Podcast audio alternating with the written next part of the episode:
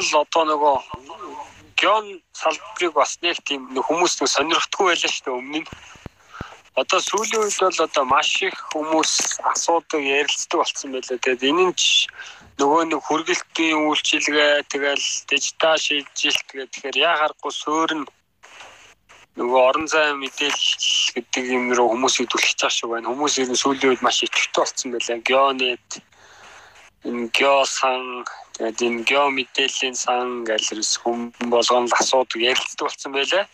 Улс төрийн ч юм уу төрийн албаа акционер ч гэсэн бас за энэ яаж байгаа тэр яаж байгаа манад ийм байдаг үлээ тийм байдаг үлээ нэлээд анхаарал тавьдаг болсон. Бид их баяртай байгаа би ч бас баяртай байна шүү. Манай ерөнхий сайд хүртэл айл болгоныг GPS-чуулна гэдэг хэлэх чинь.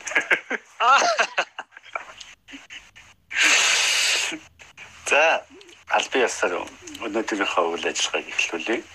Тэгэхээр энэ маань ямар учиртай үйл ажиллагаа вэ гэхээр одоо Монголын геомэдэлийн холбооноос геомэдэл клуб гэдэг клуб гэдэг өрөөг үүсгээд клубыг үүсгээд энэ клуб хавс дотроо тэгээд энэ геомэдэлийн салбарт яригдчихж байгаа зүйлүүдийг 7 хоног болгон нэг нэг цагаас хамгийн багадаа нэг цаг дээдлний 2 цагийн яриа идэг өрөөнүүдийг хийя гэсэн үүднээс ийм ярилцлагуудыг хийж байгаа. Энэ 7 хоногийн ээлжлэх ярилцлаган дээр IMAX-ийг мэний бүтээн байгуулсан iTools компани бүтээгчид маань бидний урилгыг хүлээж авч оролцсонд хүлээн авч ярилцахаар бэлдсэн байгаа. Тэгэхээр өмнөх яриага хөтөлбөрийн дагуу эхлэхээс өмнө сонсогч настайгаа өөртөө танилцуулаад эхэлчихье. Тэгэхээр Монголын геомэдэлийн холбооны өдөртөх зөвлөлийн гишүүн очир хуйг энэ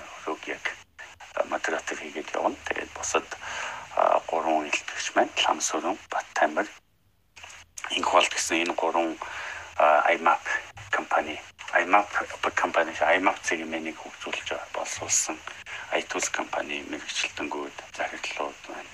Энэ үйл ажиллагааг та бүхэн танилцуулахаар бэлдсэн байгаа. Тэгэхээр та бүхнийг өөртөө бас ихний асуулт явахаас өмнө өөртөө танилцуулна уу гэж хүсэж байна.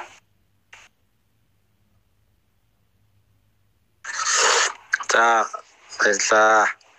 Юуны өмнө бас нэг яг юугаа нэг жоохон танилцуулга хийх. Энэ юу гэхээр компани маань хувьд бол ICT Group гэж компани байгаа.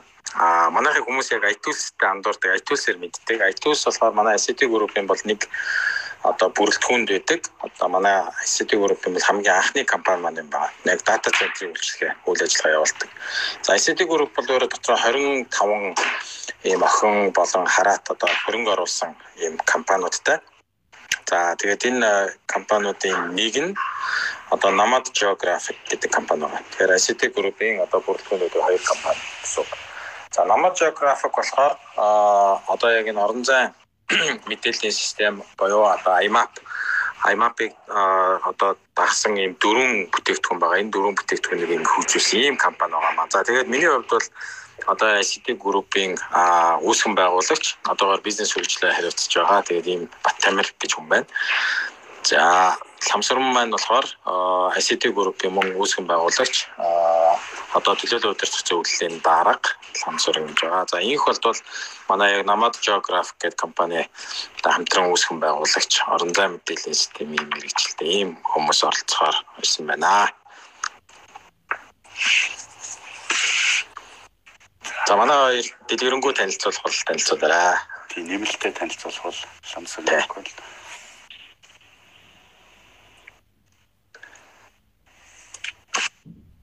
Очрогийн яриа ер нь жоохон бүдэгхэн биш үү? Чанга ярил зүгээр хаа. Тий, юуны өмнө бас ингээд яг энэ сэдвэр өрөө нэгээд тогтмол ингээд мэдээлэл өгж байгаа очроод баярлалаа. Би бас өнгөрсөн хугацаанд 2 3 удаа энэ өрөөнд бас таарж исэн. Тэгээ яг сонирхолтой сэдвэр яг энэ бидний одоо хийж байгаа бизнес энэ салбарыг бас бусдад таниулах энэ дижитал шилжилтийн одоо энэ нөхцөл байдал энэ одоо ковидын үед одоо энэ ямар хэрэгтэй ямар одоо чухал систем болохыг бас ингээд хүмүүс таниулах гэж сонирхолтой яриа өрнүүлдэг. Тэгээд одоо энэ чиглэлээр одоо энэ клуб байгуулаад ажиллаж байгаад баярлалаа. Өнөөдөр ярианд бас ингээд манай компани бүтээгдэхүүнийг онцлоод одоо бүтээгдэхүүний маань одоо бусдад таниулах сурчлах одоо энэ үйл ажиллагааг ингээд эхлүүлж байгаа бидний зүгээс бас баярлал талархаж байна. За бид нар бол одоо Nomo Geographic гэдэг энэ компани маань ганцхан одоо mapping биш бид нар орон зай мэдээллийн систем, navigation, track тэгээд энэ mapping гэсэн дөрвөн үндсэн дид э, систем хөгжүүлдэг энэ компани ба 2011 оноос хойш үйл ажиллагаа явуулж байгаа. За их болт маань одоо энэ компани үүсгэн байгуулагч ийм хүн байгаа. За тэгээд одоогийн байдлаар одоо инхолт Батамир бид гурав одоо нэг баг болоод ер нь энэ бүтээгдэхүүнийг бид нар энэ оны 6 сард Монголд нээлттэй хийх гээд ажиллаж байгаа. Тэр нь яг вөхөр онлайн, офлайн горимд ажилладаг навигашн систем мөн IMAP-ийн одоо сүүлийн хөлбөр буюу яг энэ пабликт ашиглах хэмжээнд бүрөө хөгжүүлэлт дуусна. За дээрэс нь бид нар бас одоо Монголын онцгой байдал 103 шуурхай мэдээ шуурхай албанд бол одоо өөрсдийн мапыг хэрэглүүлж өөрсдийн navigation системийг хэрэглүүлээд одоо төмний үртэл болгох тал дээр ингээд ажиллаж байна. Тэгээд одоо бүтээл одоо бидний хийсэн энэ технологи маань иргэдийн гар дээр хүрэхэд одоо 2 сар хүрэхгүй хугацаа үлдсэн байгаа. Тэгээд бид нар бол одоо маш олон жилийн хөдөлмөр олон жилийн одоо энэ технологийн шийдэл гарц гаргалгааг одоо энэ онд монголчуудад танилцуулах гэж байгаасаар бид ховдоос маш хичээж одоо маш олон янзаар тестинг хийж маш олон хөлбөр хөлбөрийг олон янзаар туршиж үзээд ер нь бол Монголын хэрэглэгч нарт дэлхийн стандарт бүхий одоо mapping систем, дэлхийн стандарт бүхий navigation систем ингээд ашиглуулахаар хэрэглүүлэхээр ингээд чармаа ажиллаж байна.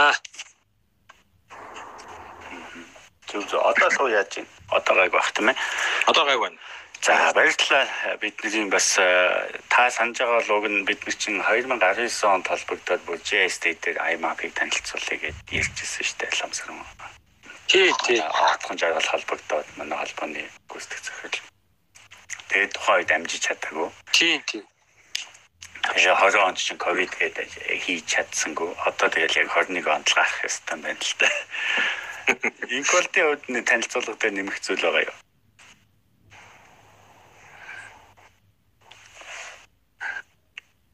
Батцсан болоо.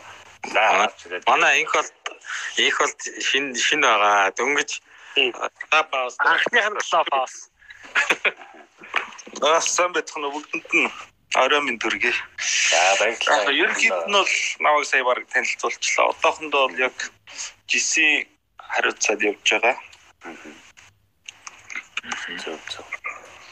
Нөгөө манайхан чинь жис гэж их ярихаас илүү юугаар нь ярьчод байгаа. Гэхдээ аянда гараад ирэх. За тэгэхээр танилцуулга маань болцсон гэж үзээд ер нь эхний асуулт бид нар ерөнхийд нь ер нь аймац гимэн гэж яагаад нэрлсэн юм бэ? Тэр талаараа аймапын тухай эхний асуултыг таагаар тавья яг IMAP-ийн хувьд бол ер нь яг нөгөө ICT group-ээс ахуулаад нөгөө нэг iTools гэж анхны ер нь яг манай бардагтууд нэг ихчлэн нэлээд юм аа IR ихсэн бардагтууд их байдаг юм аа. Тэгээ I гэдэг нь өөрөө яг нөгөө интернет те intelligent ч гэдэг юм уу иймэрхүү утгыг илэрхийлдэг. За тэгээд IMAP гэдэг ихсэн байгаа зөвөр ер нь яг энэ бүтээгдэхүүний маань бас гол зорилго юу юм бэ гэхээр ерөөсөө энэ одоо ICT group маань өөрөө мэдээллийн технологийн компани шүү дээ. Мэдээллийн технологийн компани учраас биднэрт өнгөрсөн хугацаанд ер нь мэдээллийн технологи манай улсын хувьд яаж хөгжсөн юм бэ? Бид нар цаашид хөгжөхөд ер нь юу хэрэгтэй вэ гэдээ аваад үзэхээр биднэрт хүссэн үсээгүй ямар нэг юм суур системийн шаардлага зайлшгүй гарч эхэлж байгаа. Суур системүүд гэдэг дотор одоо cloud одоо блокчейн, хиймэл оюун, энэ орон зай мэдээлэл GIS гэх мэт эдгээрүүд орно. Тэгэхээр энэ системүүдээ манай улс ерөөсө дандаа гадны одоо үйлчилгээ импортлох маягаар хэрэгжилж байгаа байхгүй юу? А тийм учраас ерөөсө зайлшгүй энэ орон зай мэдээллийн IMAP гэдэг систем ер нь нөгөө веб суурьтай одоо газрын зураг гэх юм ба шууд анханасаа ингээд нөгөө программистуудад илүү ойлгомжтойгоор гэх юм бол ийм зүйл бүтээгдэхүүн зайлшгүй хэрэгтэй байна гээд энэний одоо хөгжүүлэлт маань явсан гэсэн үг одоо энэ бүтээгдэхүүн маань. Аа тэгээд гол нь юу гэдэг хэрэглээнийхээ хувьд аваад үзэх юм бол энэ бол ерөөсөө л энэ дижитал Монгол улсын яг дижитал шилжилт гэдэг бүх салбарт явж байгаа дижитал шилжилтэд зайлшгүй шаардлагатай бүтээгдэхүүн байгаамаа гэдэг утгаараа л яг ингээд анх үүссэн. А нэрний хувьд бол ерөнхийдөө яг манайх ч одоо iTools гэж байж байгаа одоо iNavigation гэж байж байгаа iMap гэж байж байгаа iDem гэж веб дизайн их байгаа гих мэтчлэн тийм IT нэрнүүд нэлээ олон. Тэгээд тэргээр ингээд нэрлэлчихсэн. Зүг зүг нэмэлтээр хоёр инквал ламсан хоёр нэмэгцүүл байгаа бол сая аймаа. Яг хоо ер нь бол бид нар нөгөө нэг газрын зураг гэж хүн болгон мэднэ. Тэгээд бидний зорилго бол одоо энэ чинь ингээд дижитал газрын зураг гэдгээ бас илэрхийлэхийг хүссэн. Тэгээд ер нь бол одоо бидний үндсэн концепт бол бид нар Монгол улс газрын зургаа өөртөө зурдаг байх хэрэгтэй. Өөртөө одоо энэ дижитал шилжил захим орчинд өөрсдийн газрын зургийг зурдаг байх хэвээр. Тэгээд тэр газрын зураг маань одоо хүссэн чис хүссэн чи интернет гэдэг одоо том орон зайд байршин. Тийм болохоор бид нэр одоо AI гэдгийн гол зорилго бол одоо интернет based дижитал газрын зураг гэдэг санааг илэрхийлэхийг хүссэн. За map гэдэг бол одоо шууд хүмүүст ер нь бол одоо бүтээгдэхүүнээ ойлгуулсан таниулахад хамгийн хэлбэр үг байсан. Тэгээд AI гэдэг бол одоо манай Батамирсаа хэллээ.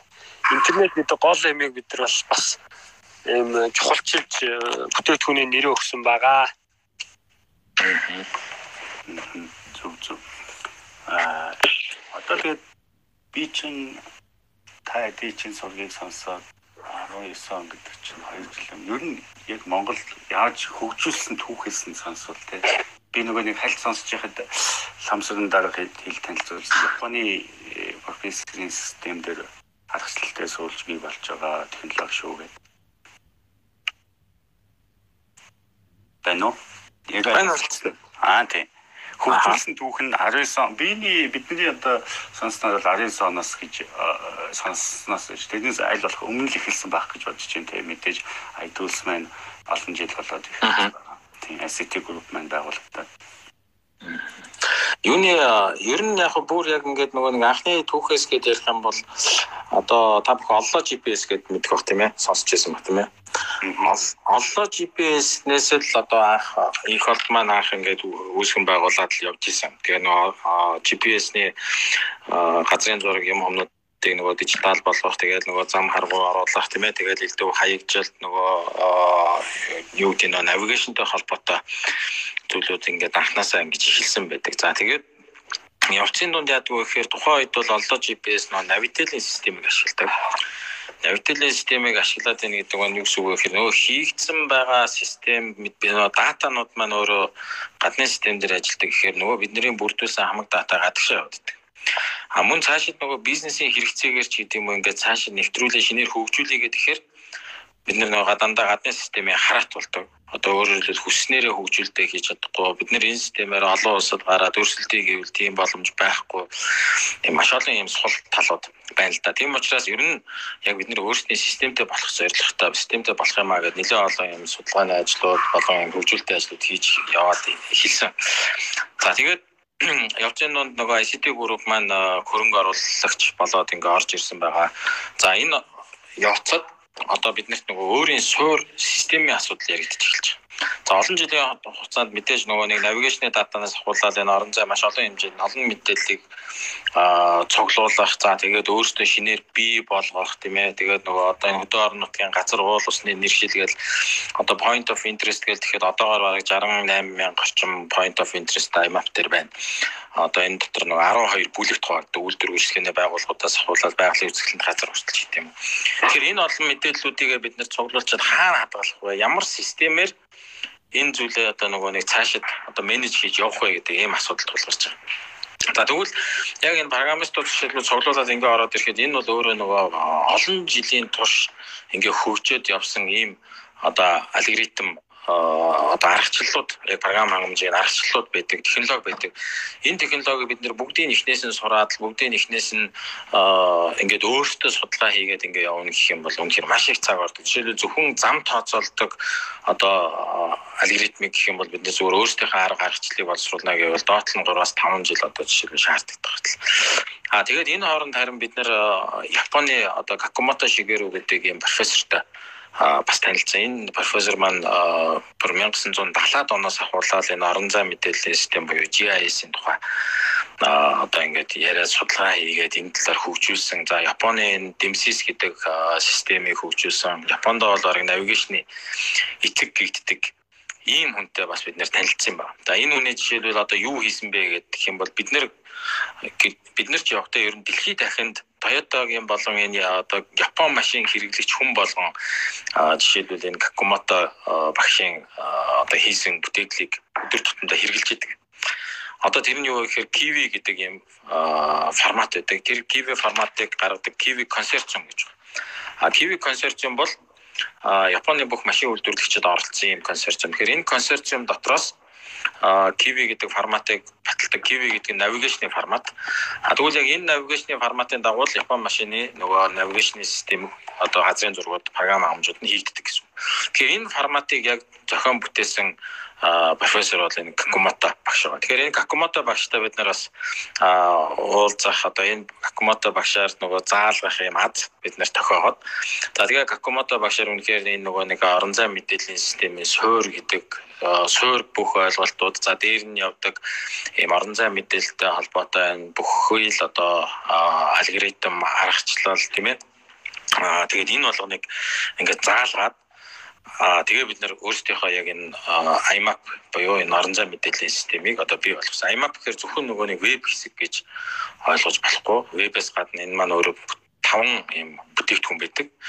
Тэр нь болохоор IMAP гэдэг нь болохоор яг Google Map-тай адилхан одоо community based хөгжих ёстой тийм одоо манай улсын одоо дижитал газрын зураг map гэсэн үг. Веб суурьтай хүмүүс дурт дуртай хүмүүс нь үн төлбөргүйгээр ашиглаж болно. А дээр нь нэмэх нь өөрсдийнхөө маркетингийн ч юм уу энэ мэдээлэл одоо дэлгүүрийнхаа мэдээлэл эсвэл нөгөө үзэр үйлчлэгээний газрын мэдээлэл ч юм уу үйлчлэгээний байгууллага энэ мэдээллүүдээ хүмүүс дээр нь чөлөөтэй одоо оруулах боломжтой За тэгээд i navigation гэвэл юу нөгөө офлайн орчинд ажилладаг хөдөө орон нутагт ажиллах юм navigation хэсэг байгаа. Тэгэхээр navigation дотор ч бас бас их одоо нөгөө олон функцүүд бас байдаг. Тэгэхээр энэ энэ функцүүд бүгдээрээ бас орчсон байдаг. За тухайлх юм бол эндээс ярих юм бол одоо navigation дээр тийм ээ.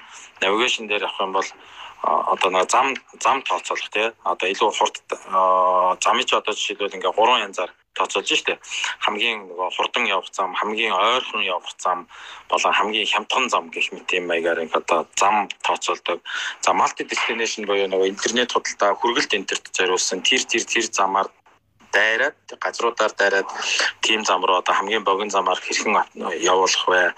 За автобусны одоо рутингийг яаж хийх вэ? За иргэн тэрнээс гадна зөвхөн иргэн одоо Баттамир жишээ нь А цэгээс Б цэг рүү автобусаар явлаа гэхэд аль буудал руу автобус нь аль буудал руу очиж автобус нь ямар чиглэлийн автобус нь суух хэдэн буудал явах буугаад автобусны буудлын хооронд одоо connection хийх гийг тооцоолоод хаана очих гэх мэт энэ бүх одоо нэлээд юм одоо навигашны шинжтэй одоо хот доторх болон хөдөө орнотыг замгүй оффроад орчинд одоо ажиллах юм навигашн бас байдаг. За тэгээд eye tracking гэдэг нөгөө илүүтэй одоо түгээлт хөргөлтийн машинууд, хөргөлтийн бизнесүүдэд зориулсан юм tracking байдаг. За Cloud JS буюу одоо Google Map-ыг бид нэлээх яг энэ програм хангамжууд аппликейшнуудыг ашигладаг одоо Uber гэх мэт тийм ээ.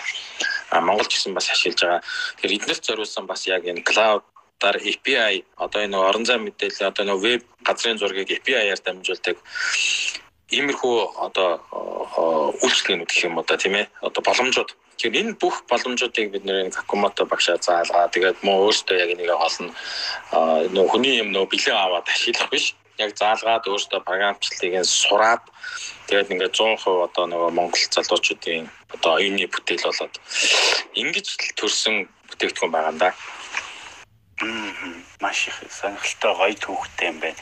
Олон жилийн судалгаас авсан гэж олголоо. Гэхдээ сая а таван бүтээгдэхүүн гэх шиг болсон. Тэрэн дээр IMAP нөгөө map байна, navigation байна, track байна, cloud.js ингээд дөрвөн систем л ярьчих шиг боллоо. Тав дахь тав дахь нь болохоор одоо GIS гэдэг маань IGIS гэдэг ийм систем байгаа даа.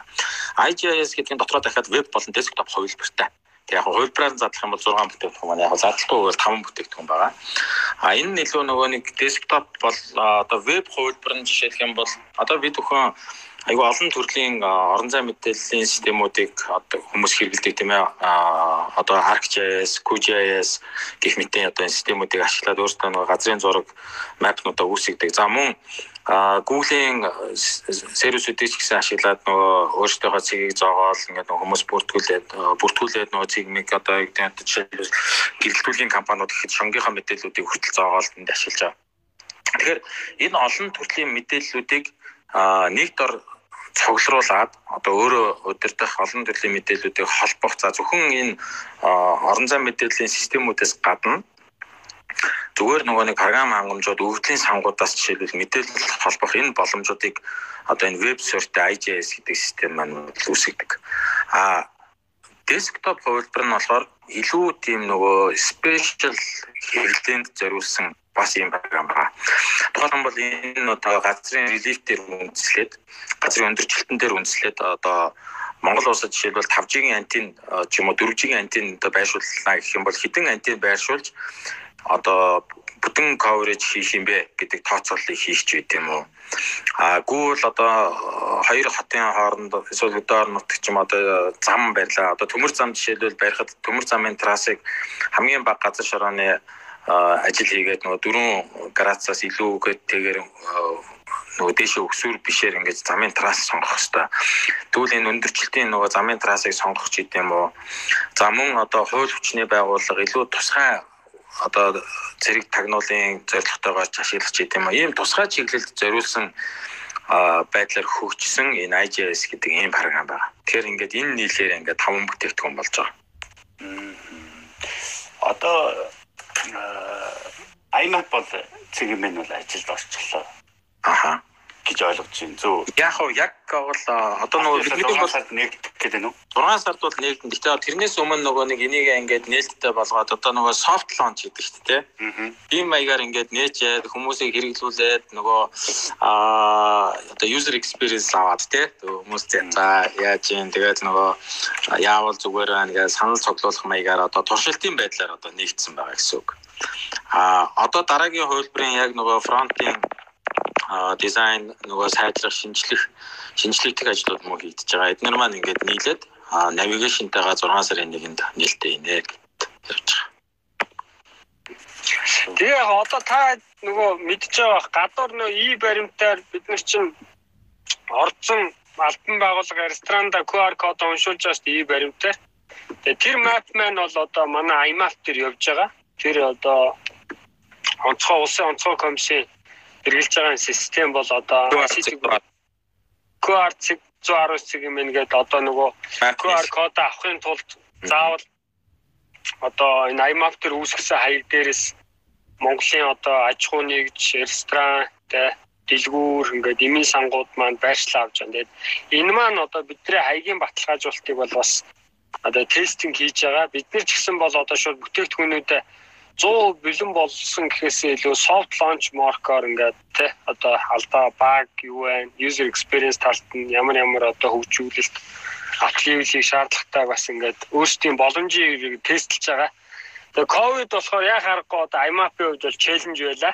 Тэгээ бид нар бол одоо онцгой байдал за тэгээд энэ одоо QR AI баримтын одоо суур дэвсгэр зураг Тэгээд олон юм дээр бид нар IMAP-ыг ашиглаж байгаа. Тэгээд ер нь бол одоо бид нар бас дэлхийн хэмжээнд өрсөлдөхүүц Монголын одоо газрын зургийг одоо дэлхийн бусад ийм ижил төрлийн системүүдтэй өрсөлдөхүүц хэмжээний бүтээгдэхүүн болжээ гэж өөрсдөө үнэлж байгаа. За яагаад гэж байгаа гэхээр тэтэ тэргүй одоо Монголын аж ахуй нэгж төрийн байгууллага, хувийн хөгжлийн байгууллагуудын хэрэгцээ шаардлагыг бүрэн хангаж байна. Тэгэхээр бид нар одоо засал сайжруулах юмнуудаа хийгээд 6 сарда нээлттэй хийхэд бол юм болохоор байна гэж үзэж байгаа.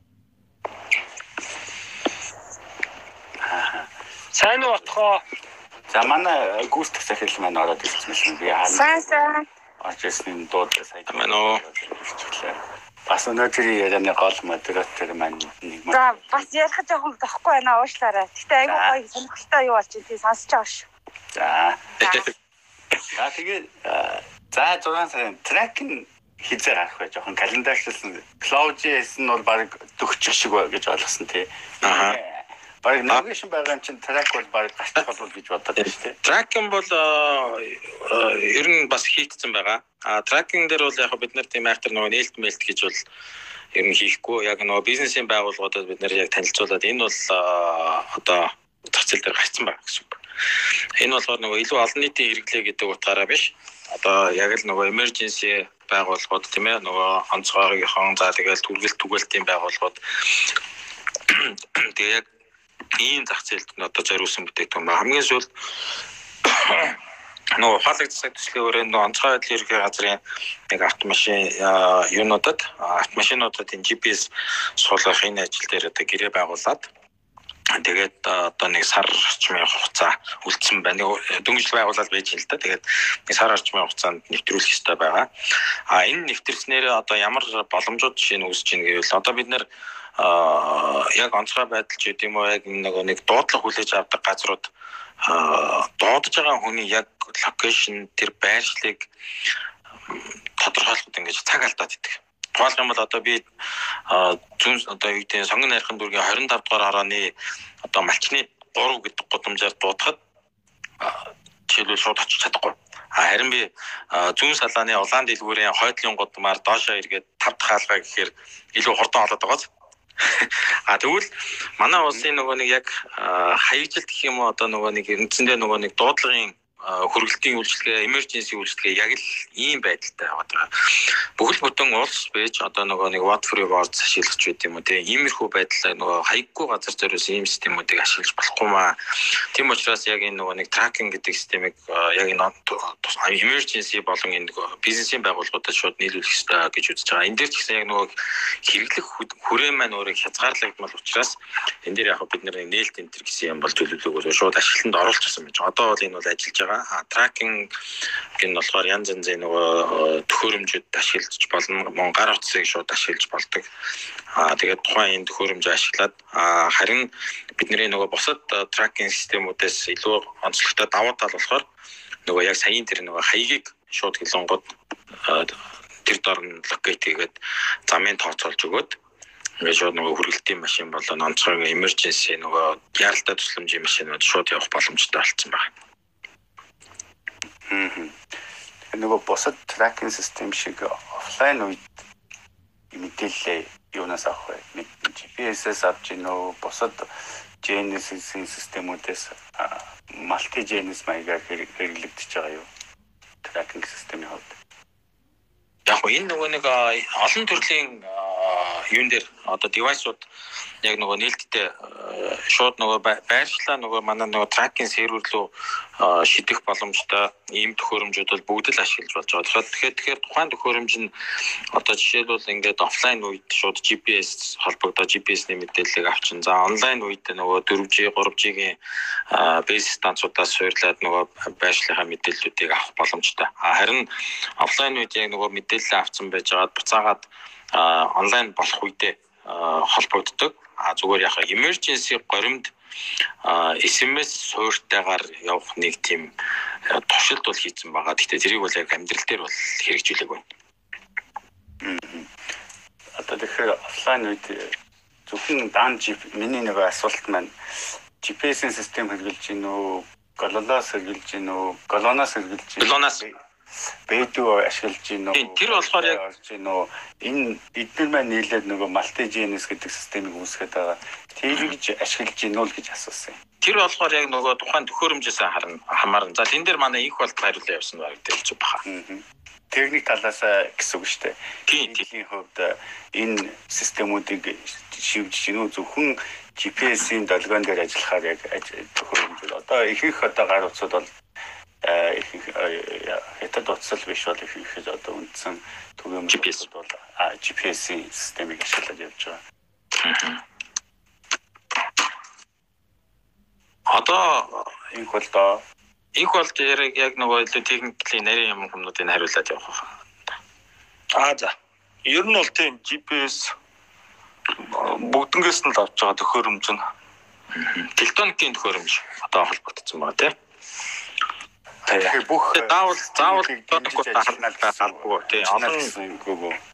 Тэгээ одоо хятадын баядуу клонаас Америкийн GPS тэгээд авч болох боломжтой. Яг утасны нөгөө нэг утас ч зүйлд AGP гэдэг GPS байгаа шүү дээ. Тэгээд тэрнээсээ бас авч ер нь авч болох бүх хувилбараар нь үзэж байгаа да. Тэгэхээр зөвхөн ганц онцгой гэхгүйгээр бас жижиг гүүгээр жижиг биш юм аа. Оо бороо хэлчихлээ. Smart төхөөрөмжүүд гэж яриад байгаа. Smart device-ууд дээрээс ямар систем дээр ажиллах боломжтой тэр бүгдийн дэмжээл явчих чинь л гэсэн үг. Тийм, ер нь бол тийм протоколууд нь бүгдээр боломж төлбөрөөр хийсэн байна. Одоо нэг ийм яг өөртөө програм хангамж хийхээ нэг юм давуу тал байдаг. Тэр юу вэ гэхээр тухайн төхөөрөмж одоо манай сервер руу юу гэдэг нөгөө мэдээлэл дамжуулах боломжтой програмчлах боломжтой байвал ямар ч одоо төхөөрөмжийг ашиглах боломжтой болоод эхэлж байна. Тэгэхээр энэ нөгөө нэг альва ярныг IT-ийн нэг системүүдэд нэг vendor lock гэж ойлголт байгаа гэдгийг. Одоо нийлүүлэгчийн одоо түгжээ гэх юм уу да. Тэгэхээр нөгөө програм хангамжаа өөрсдөө хөгжүүлдэг газруудад тийм vendor lock гэдэг ойлголт байдгүй хамгийн том давуу тал болдог. Одоо манай ICT-ийн одоо iTools дээр хийж байгаа cloud ч гэдэг юм энэ төхөр нөө бүтээгдэхүүнүүд төр бүгдээр нь яг бидний нэг заавал барьдаг зарчим баггүй. Аль нэг хардвар ямар нэг вендороос ерөөсө хамааралтай байж болохгүй. Яг тэгвэл Монгол улс өөрөө нөгөө үйлдвэрлэгч орн биш байгаа байхгүй. Жишээлбэл хэрэв Монгол улс өөрөө нэг GPS-ний нэг үйлдвэрлэгч байсан бол бид нар жишээл зөвхөн тухайн төхөөрөмжийн а нөгөө локейшн төхөөрөмжийн тэгээ тухайн төхөөрөмжийн аа тэ зориулсан юм вендор лог хийж болох. А бидний хувьд болохоор одоо яг тухайн үеийн л юу гэдэг одоо жишээлбэл төрийн байгууллагууд ч гэдэм үү хувийн хвшилж гэдэг юм яг тухайн үед худалдаж авахтаа л хамгийн аа санхүүгөөд одоо боломжтой өнөртөгтэй хамгийн олон одоо функцтэй гэж худалдаад авчдаг. А тэгтэл тэр нь дараа дараагийнхаа системүүд рүү жишээ нь холбогдох боломжгүй энэ төр болсон тохиолдолд ингээд хүнд байдалд ортгол тоо. Тэгэхээр энэ програм агуулж яг энэ системүүд дээр яг vendor lock гэдэг ойлголт байхгүй байхын тулд яг одоо байх vendor lock гэдэг ойлголт байхгүй нэг юм давуу тал бидэрт байна гэсэн үг. Тэр чинь бас их гоё давуу. Оллоо ч нэг хэсэг нөгөө Navitel-тэй холбож Navitel чинь нөгөө Украинад илүү Беларусь бол босуулсан систем нэг. Кий асууад байдаг илүү байсан те. Тэгэхээр Navitel бол ерөөхдөө анхны програмын 2002 онд Орос залуу зохиосон байна. Тэгээд дараа нь програм хангамжаа Чехийн компани зарсан. Үндсэн суурийн бол нэг Орос залуу ийсэн мэт 2002 онд. Тэгээд нөгөө одоо орон зай мэдээлэл системний хоёр үндсэн ойлголт байдаг. Дата тэгээ програм. Мянга дататайгаа програмгүй бол одоо юм хийж чадахгүй. Мянга програмтайгаа датагүй бол бас юм хийж чадахгүй гэсэн тийм хоёр ойлголттой. Тэгэхээр одоо систем маань тийм гоё боломжтой байна. Ялангуяа ганц онцгой гэлтгүүгээр бас хэрэгжилж болох салбар бол зөндөө байна. Монголд бол тэгэхээр илүү бас гоё хөгжөөд гараад ирэх юм бол бас л хэрэгтэй юм байна да. Ялангуяа биолог, биологийн амтны судлал амтны судалгаанд бол хэрэгжилж болох юм шиг харагдаж байна. Хоёр дөрөвт Cloud.js-ийн тухай ярих уу. Тэгээд аянда сонсогч нараас бид нэр гараа өргөдлөөд асуулт асуух учраас үндсэн нөгөө танилцуулга юмнуудаа явуучаа тэгээд сонсогч нараас гарын өргүүлээд явъя гэсэн ийм төлөвлөгөөтэй байгаа шүү. Тийм учраас жоохон төвчөртэй хүлээж аваарай сонсогч нараас хүсгээд Cloud.js-ийн тухай танилцуулах уу тамираа хизээ бас нэгдэх үү? Нээсэн байгаа юу бас оо тийм микрофона хаалттай баахан ярьсан байна яриад хэлээ тийм тийм. Cloud.js бол ерөөсөө яг энэ мэдээллийн технологи одоо яг бид нар чинь ингээд захим шилжиж тэгээд нэг сүүлийн 2 жил маш эрчимтэй ярьж байна те. Олон одоо төрийн болон энэ хувийн хвшилийн бизнесүүдийн захим шилжилт явж байгаа. Тэгвэл энэ digital transformation гэдэг юм ер нь юу юм бэ? Гэж үзвэл энэ бол одоо байгаа үйл ажиллагаанууд ерөөсөө цахим руу шилжих хэлээд байгаа. Цахимжуулалт гэдэг. Цахим руу шилжээд одоо өөрөөр хэлэх юм бол бид нэр утсаар дууддаг байсан бол гар утасны аппликейшн хэрэгэлдэг болно. Утсаар одоо үйлчлэгээ авч дуудлага авдаг байсан бол за юм хом очиж худалдан авалт хийдэг байсан бол мөн л гар утаснаас юм уу компьютераас худалдан авалт хийн. За очиж юм авдаг байсан бол энэ нь хүргэлтээр хийгддэг болно. За хүргэлт нь одоо нөгөө утсаар явдаг байсан бол одоо нэг GPS хараад нөгөө юм навигашны систем хараад явах ёстой. За үүнээс үндэслээд дараа нь дараагийн ойлголт гарч ирнэ. Энэ бол үйл ажиллагааны автоматжуулалт дижитал шилжилтийн нэг хэсэг. А хоёрдугаар хэсгэнд үйл ажиллагааны автоматжуулалтын дээр маш их хэмжээний дата мэдээллүүд бий болж байгаа. Тэгвэл энэ дата мэдээллүүдээ бид нэр боловсруулж байгаа энэ ажил төрийн дөрөвдүгээр хувьсгал гэдэг юм дотор чинь одоо гэдэг юмрж нь орох хэрэгтэй. Ажил төрийн дөрөвдүгээр хувьсгал гэдэг үе орж ирсгээд ерөөсөө энэ бизнесийн а үнэт зүйл бизнесийн хамгийн үн цэнтэй зүйл бол мөнгө биш дата юм а гэдэг ийм зүйл рүү орчиход байна. За тэгвэл за төрүүлж байгаа би хүн юм уу гэх.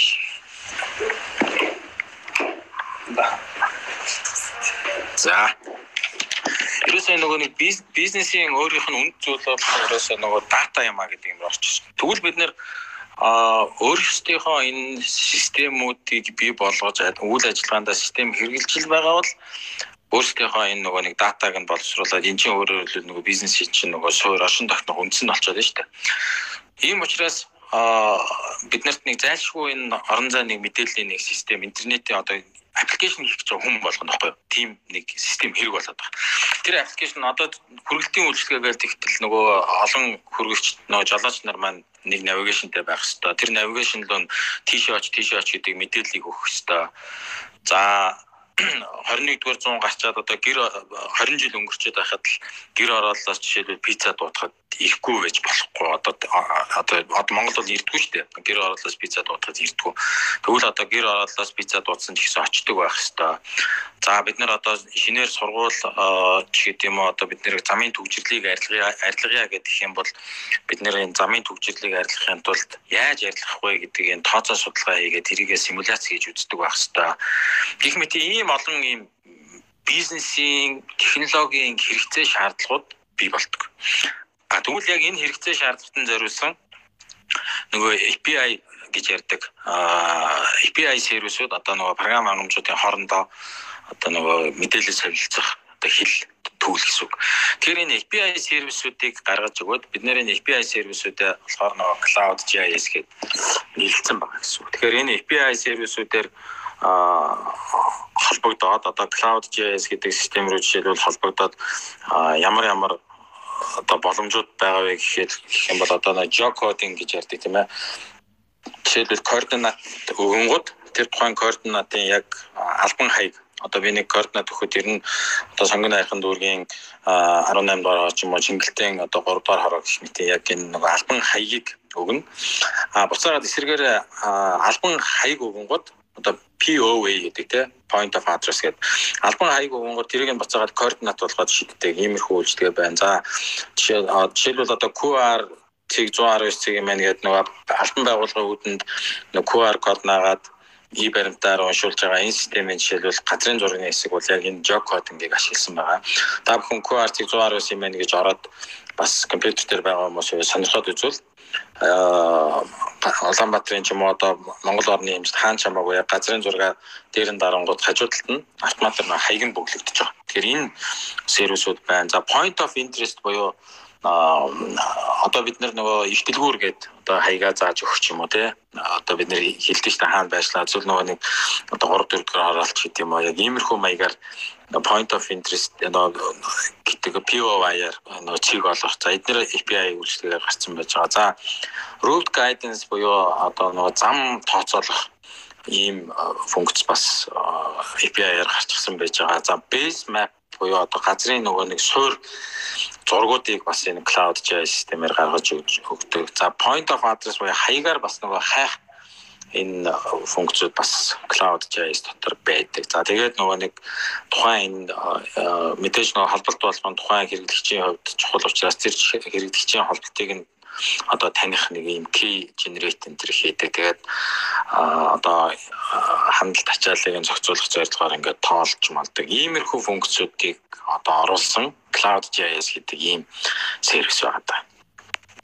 Ер нь нийтдээ хичнээн сервис байна. Яг Cloud JS дотор одоо сая 10 орчим тий 10 10 сервис байгаа сервисүүд хэлчихсэн боллоо тийм юм гэдэг. Тэгэхээр одоо би нөгөө нэг цээжээр нөгөө энэ чинь клуб хаус би хэлтэй хандсан бол амид бас мэдэхгүй за анд хайсан юм байвал яг одоо зас нэмж мээрээ. Тэгээ би нөгөө нэг өөрөө яг нөгөө GIS-ийн хүн гэхээсээ илүү нөгөө программист хүн шүү дээ. Тэгээ программист хүн болохоор одоо биднэрт бол жишээлбэл ингээд яг л нөгөө нэг тулгардаг програм бичгээд ямар хэрэгцээ байдгүй гэдгээл шууд дөрүүж бодоод ингээд ярьчлаа. Тэгэхээр одоо би чинь нэг Uber шиг ч юм уу тийм ээ нэг аппликейшн ингээд хийнэл гэж бодвол газрын зураг хийх гол тухайн газрын зураг дээр яг саяын функцууд хамгийн түрүүнд шаардлагатай болдог байхгүй юу. Тэгээд би нэг хоёр чиг манай харилцагч ороод ирсэн бол би тэр харилцагч руу нэг бараа өргөж өгөх ёстой бол ямар замаар өргөж өгөх вэ гэдгийг тооцно гэж хэлэх ёстой шүү дээ. Тэгэхээр яг яг програм хангамж хийх гэж байгаа аппликейшн гар утасны аппликейшн гэдэг юм уу веб гэдэг юм уу програм хангамж хийх гэж байгаа хүмүүст л зориулсан үйлчлэгээ гэдээ ойлгож болно.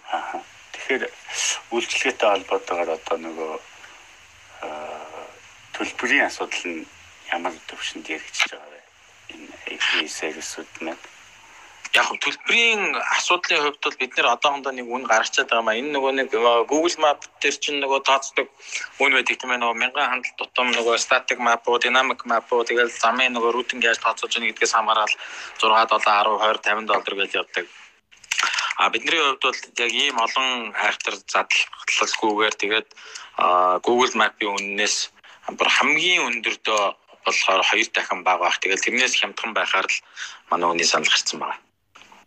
Тэгээд яг амьдрал дээр бол бид нэр тэгж өгөхгүй байна дөө. Яг л одоо бид одоо манай програм хангамжийн салбарчин жишээлбэл жижигхэн бид нар ч гэсэн яг нөгөө програм хангамж IT-ийнхаа салбарын нөгөө хөгжлийг нь илүү нөгөө дэмжих гэдэг өөрсдийн нөгөө концепт байдаг. Одоо манай ICT группийн бүтээгдэхүүн тэгэхээр дандаа юм бид нэр л өнөөдөр л нөгөө нэг IMAP гэдгийг ингэж онцолж яриад байгаа учраас болохоос биш. Цаана одоо cloud тэгэл нөгөө хиймэл оюун блокчейн гэдэг яг энэ нөгөө нэг аа систем ингээд хийх гэн гутал заавал гаднаас худалдаж авч таардаг гэсэн мөртлөө айгүй өндөр үнэтэй байгаад байдаг. Энэ үйлчлэгээнүүдийг л одоо бид нөгөө ICT group маань бид хийдэг. Тэгээд нөгөө бид нар салбар маань жижиг гэн тэгээд нөгөө дөнгөж өсөж байгаа салбар болохоор аль болох дэмжих зорилготой байдаг учраас одоо хэдүүлээрээс хамтдаа хөгжиё тэгэл хамаагүй манайхыг хэрэглээ тэгээд 6 сар 1 жил 2 жил нэг сүлтээрээ бослоо үнгүй хэрэглэгээл янз зээл одоо яг нөгөө нэг үнэн дээр одоо нэг хатуурч байгаа юм бол алгал байна. Үнэн дээр. Зөв зөв. За мэдээж сонсогч нараас маань бас эднэртэй дахиж холбоотой асуултууд нэмэгдэх байх. Одоо тав дахь бүтээгдэхүүн IGS маань хизээ гарах вэ? Хугацааны хувьд ер нь одоо бас бэлэн болж байгаа юм байна шүү дээ. Хоёр хэлбэр тий. Веб. Яг IGS-ийн хувьд бол яг десктоп хувилбарыг бол 6 сарын 1-нд мөн цог бас танилцуулаад явна. А яг одоо бол амьдрал дээр бас энэ тэнд бол нөгөө IGS маань бас хэрэглэгдээд эхэлсэн байна.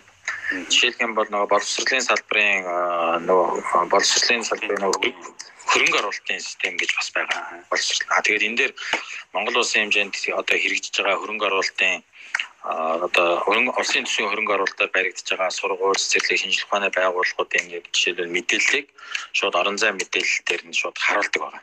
Одоо GCP байна. Тэн дээр болохоор ганцхан нөгөө хөрөнгө оруулалтын програмны дээр байгаа мэдээллийн сангаас байршлыг нь авч харуулахаас гадна одоо ашиглалтанд орсон байгаа сургууль цэцэрлэгүүдийн одоо мэдээллүүдийг нь оруулаад тэн дээр шууд харах нийлүүлээд харах юм боломжтой болцсон байгаа. Одоо веб суурьтай IGS хувилбар маань гэсэн үг.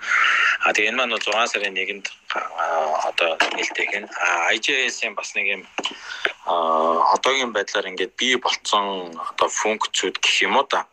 Тэд нэр бол жишээлбэл нөгөө PostGIS гэж одоо яг нэг JS-ийн бол бас мэдэх бах тийм ээ Postgres суурьтай нөгөө JS-ийн ийм одоо технологи гэдэг PostGIS-ийн давхаргуудыг үүсгэх за янз янз нөгөө raster давхаргуудыг үүсгэх өөрөө холбогдох за тэгээд нөгөө tile map сервисүүд TMS гэдэг. Гэтэ нөө tile map сервисүүд рүү гадны tile map сервис рүү холбогдох. Буцаагаад өөрөө tile map сервис гаргах За тэгээ янз янзын нөгөө нэг shape файлууд буюу нөгөө вектор давхаргуудыг оруулж ирэх буцаагаад өөрөө вектор давхарга гаргах. За мөн олон ийм лейерүүд огсорж байгаад нөгөө ийм газрын нэг ийм зураг үүсгэх гэх юм одоо тийм ээ тэгээ тэрийг веб газрын зураг болгоод буцаагаа сервисээр гаргах ч үгүй юм уу. За нөгөө веб feature сервис болон за нөгөө веб map сервисүүдээр бас холбогдох буцаагаад өөрөө тийм сервис гаргах гэх Энэ функцууд бол яг бүгдээрээ ажилладаг болчоод одоо иймэрхүү ихний байдлаар энэ системүүд дээр ингээд нэвтрээд явж байгаа. Энэ бол 6 сарын 1-нд дээр нь цуг зарлагдаад явна. Харин десктоп суурьтай системүүд маань ерөөхдөө нээлт хийхээсээ нээлт хийн гэхээсээ илүүтэйгээр илүү нөгөө special одоо нэг төрийн тусгай байгуулах ч гэдэм юм уу тийм ээ эсвэл нөгөө яг орон зай юм илүү өндөр мэрэгжлийн ийм байгууллагуудад зориулсан үйлчлэг байгаа. Тэгээд энэ маань ч гэсэн бас мэдээж одоо юу гэдгийг төгс болтлоо цаг хугацаа шаардна. А зүгээр Монгол орны өөрөө энэ нөгөө нэг орон зайд суурилсан энэ мэдээллийн дат мэдээллийн төв одоо мэдээллийн тарих болох гэдэг үгнээс энэ дээр ч гэсэн бас нэлээд анхаарал хандуулж нэлээд урт хугацааны бас судалгаа ажлууд орох хэрэгтэй байгаа л да. Яг энэ десктоп суурьтай хөлбөр бол магадгүй эх жилийн донд монд ч юм уу тэр үед л яг за одоо ингээд дэрийн цент түрээ шууд үзүүлэхээр болохоор боломжтой боллоо гэх хэмжээнд очих واخа. Mm-hmm. Маш сонирхолтой гоё юм байна. Яг тэр босчлын юм дээр хийж байгаа төсөл дээр нэрээ танаа баг шалгаж байгаа сонсогдсон юм байна. 2 3 сарын өмнө. Тийм тэр одоо бол яг тэр бол ажилтсан байж байгаа нөгөө гоё юм байна. Боловсролын сайтн дээр ороод тэгээд тэр энэ дээрээс шууд үндэслээд одоо жишээлбэл ямар боломжууд одоо харагдж байгаа нэхэр нөгөө Хуучин бид нар юу хийж чаддгүйс юм гэхээр нөгөө school mapping гэдэг зүйлийг хийж чаддгүйс. Одоо бид нэр яг тэн дээр нөгөө дэмжлэг үзүүлээд бас ажиллаж байна л да. Энэ юу гэхээр хаягийн ийм сангууд дээр байж байгаа. Одоо тухайлх юм бол энэ баян зүрх дүүргийн одоо хэддгээр одоо манай гэр жишээ байлаа 18 дугаар хорооны 39 дугаараар гэл ингээд нэг байрс падгал ингээд сонгоод авлаа. Энэ дотор нэг 70 айл байна. Тэгээд яг энэ 70 айл дотор хэдэн хүүхэд байгаа юм. За эндээс одоо юу гэдэг нөгөө цэцэрлэгт явдаг нь хэдийн тэр нь одоо айл айл цэцэрлэгт явдаг энэ гих мэдээллүүдийг бол бид нэр жишээлбэл одоо газрын зураг дээр гарч харж чаддгүй. Тэгэхээр одоо бид нэр энийг жишээлбэл яг хийж байна. За энэ ороод ирэхээр ямар давуу тал үүсвэ гэхээр нөгөө сургуулиуд цэцэрлэгүүдийн хамран сургах тойрог гэж. Энэ хамран сургах тойрогуудад яг хүүхдүүд явж байгаа мó хэдэн хувь нь хамран сургах тойрогт яваад байгаа тухайн сургуулийн. А тэгвэл энэ хамран сургах тойрог маань хэрвээ нэг бага хувьтай одоо жишээлбэл нэг 50% та 60% та байх юм бол хамран сургах тойргийг бид нэр 80% хүртэл нэмэгдүүлж чадах юм бол замын төвжирлийг хэрхэн бууруулж чадах юм яг гэх мэт тооцоолол хийх боломжтой болж эхэлж байна. Одоо бид нэг юм анзаардаг юм карантин болол юм уу эсвэл нөгөө сурагчдын амралт технологиуд замын төвжирэл эрс багсдаг шүү дээ. Энэ юутай холбоотой вэ гэхээр нөгөө хүүхдүүд маань хамран сурах тойрогтой одоо явахгүй байна л гэсэн үг баггүй юу? Тэгэхээр бид нэр одоо иймэрхүү баяр маяг цаашаа хөгжүүлээд явж байгаа гэсэн үг. Аа зөв зөв маш э, одоо тэгээд э, э, онцгой дээр хэрэгжилж байна. QR энэ ковидтай холбоотойгоор QR сайн системүүд маань хэрэгжил боловсролын системүүд маань хэрэгжиж байна. Өөр ер нь одоо аль салбар руу хэрэглэх боломжтой эсвэл одоо төлж байгаа нууц биш бол одоо ажлууд юу вэ? Сал Монголд хэрэгжилж байгаа салбарууд маань. Аа за яг уу саяын жишээлбэл ингээд жишээнүүд дээр яг хэрэглээнүүд бол ингээд ян янзаар үүсч болж байгаа маа. Тэгээд яг бас нэг зүйлийг бид нар нэлээд харцнаад бас байна. Энэ юу вэ гэхээр одоо яг хилцэгдэж байгаа нөгөө хувь мэдээллийн хувийн мэдээллийн аюулгүй байдлын тухай хууль нөгөө нийтийн мэдээллийн аюулгүй байдлын тухай хууль гэдэг юм хуулиуд байгаа шүү тийм ээ. Энэ энэ хуулиудын бас яг батлагдах эднэр бол нөгөө яг энэ орон зай мэдээлэл болон энэ мэдээллийн технологийн хөгжилд бас нэлээд хүчнөлөө үзүүлэх гэдэг юм л да. Тухайлх юм бол одоо энэ QR 119 юм байна гэдэг юм дээр бид нэр орон зай яг одоо хаягийн мэдээллийг жишээлбэл манайхаас жог кодын хийгээд хаягийн мэдээллийг авч байгаа. А тэр хаягийн мэдээллийн QR мэдээлэл нь болохоор үндэсний дата төв дээр хадгалагдаж байгаа. За тэгээд QR-ыг кодыг хүн иргэн уншуулгууд иргэний мэдээлэл нь хадгалах, иргэний мэдээллийг нь авахгүй тухайн иргэний device ID гэж ярьдаг. Тэр device ID-г нь QR кодтой зуг и баримт дээр хадгалдаг. Ингээ гурван газрыг холбосон систем байгаа байхгүй.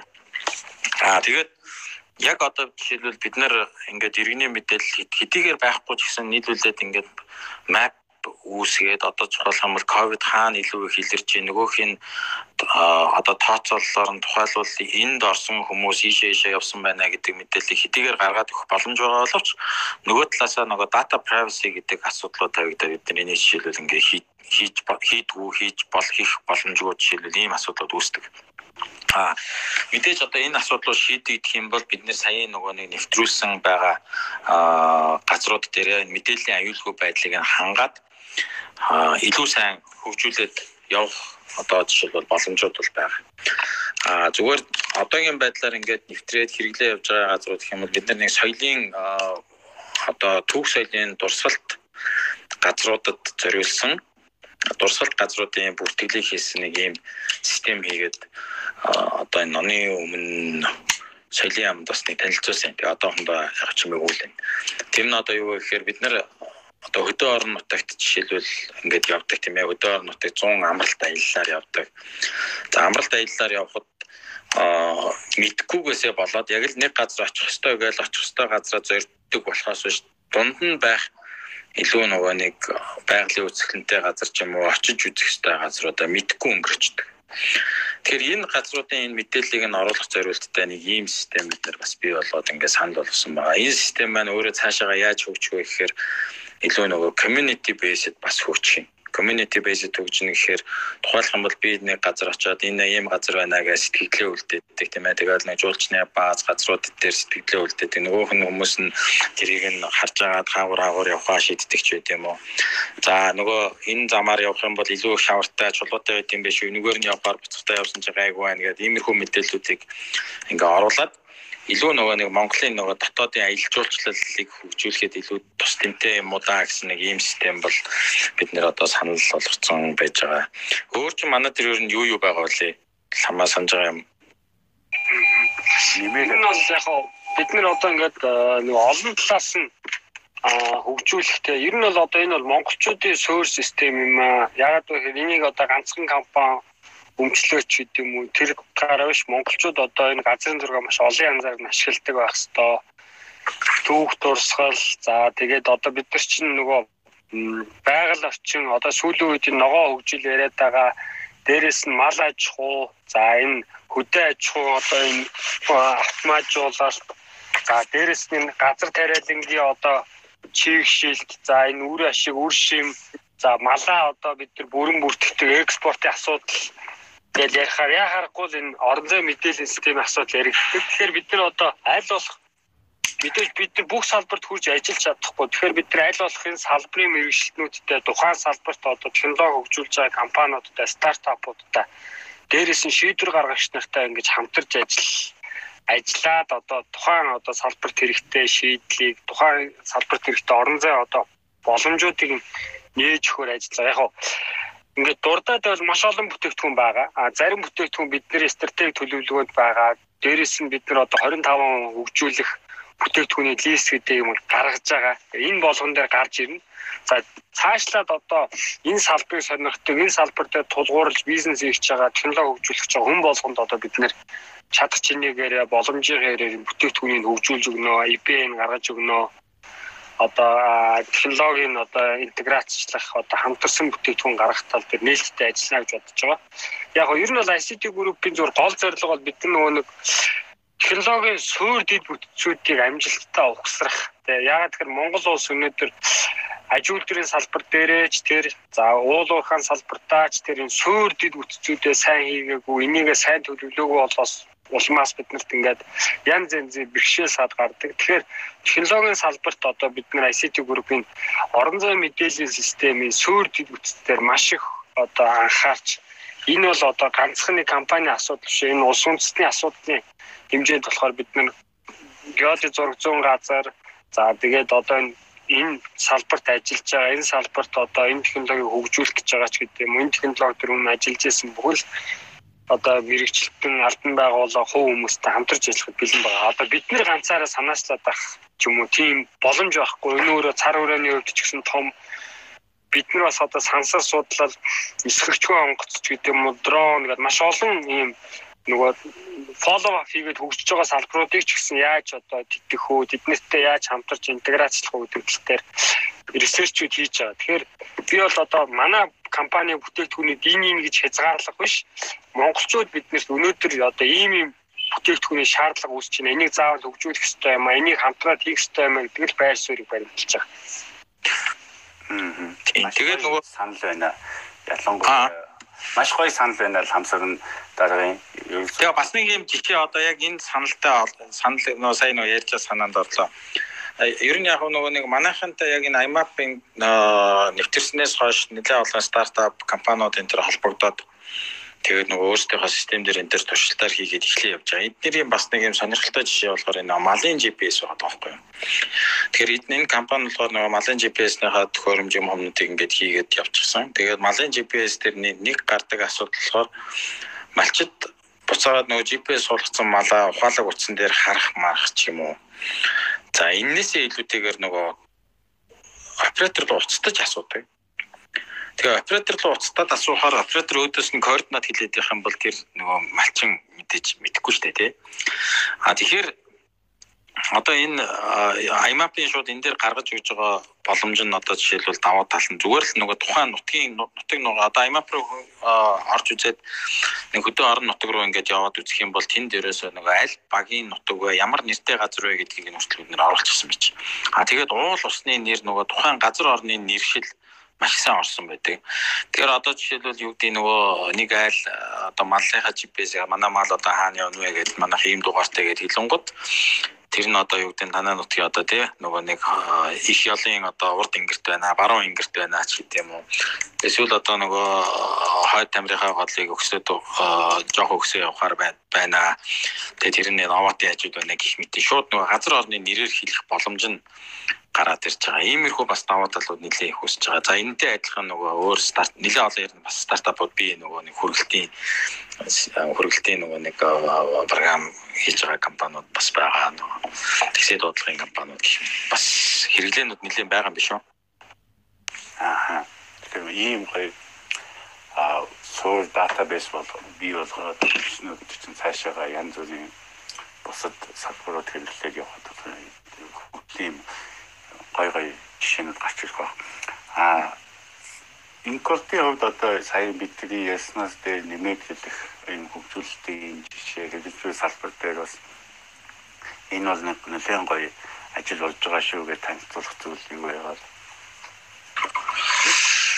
За ерөөхдөө бараг л бүгдийг ярьчлаа да. За. За тэгвэл сайхан хэдүүлээ сонсогчноос асуулт асуух юм байл гараа өргөд ороод ирээрэй миний зүгээс бас асуу гэж бодсон үндсэн гурван чиглэлээ сайхан яриулж явлаа, сонсож явлаа, маш их урам зориг орж ийн бас хамтарч ажиллах олон саналуудыг тавьшруулахаар дараа очиж уулзнаа гэсэн төлөвлөгөөтэй байгаа тамира тий. Тий, хоёлаа нэг ковид гайг болохоор болж яал гэж тэгээд харин тий. Оо тэгээд онлайнаас уулзнаа. Тийм ээ. За. Эрдэнэ цагтаа За сайн манай бүгдээрэнд нэг чимэн дүргийа тэгээд сонирхолтой яриа өрнж юм бас сонсоод сууж маш их бүтээлч ажлууд бас хийж байгаа маань. За намайг Эрдэнэсгт гэдэг Public Lab Mongolia төрөмсөө олон гүйцэтгэх захирал.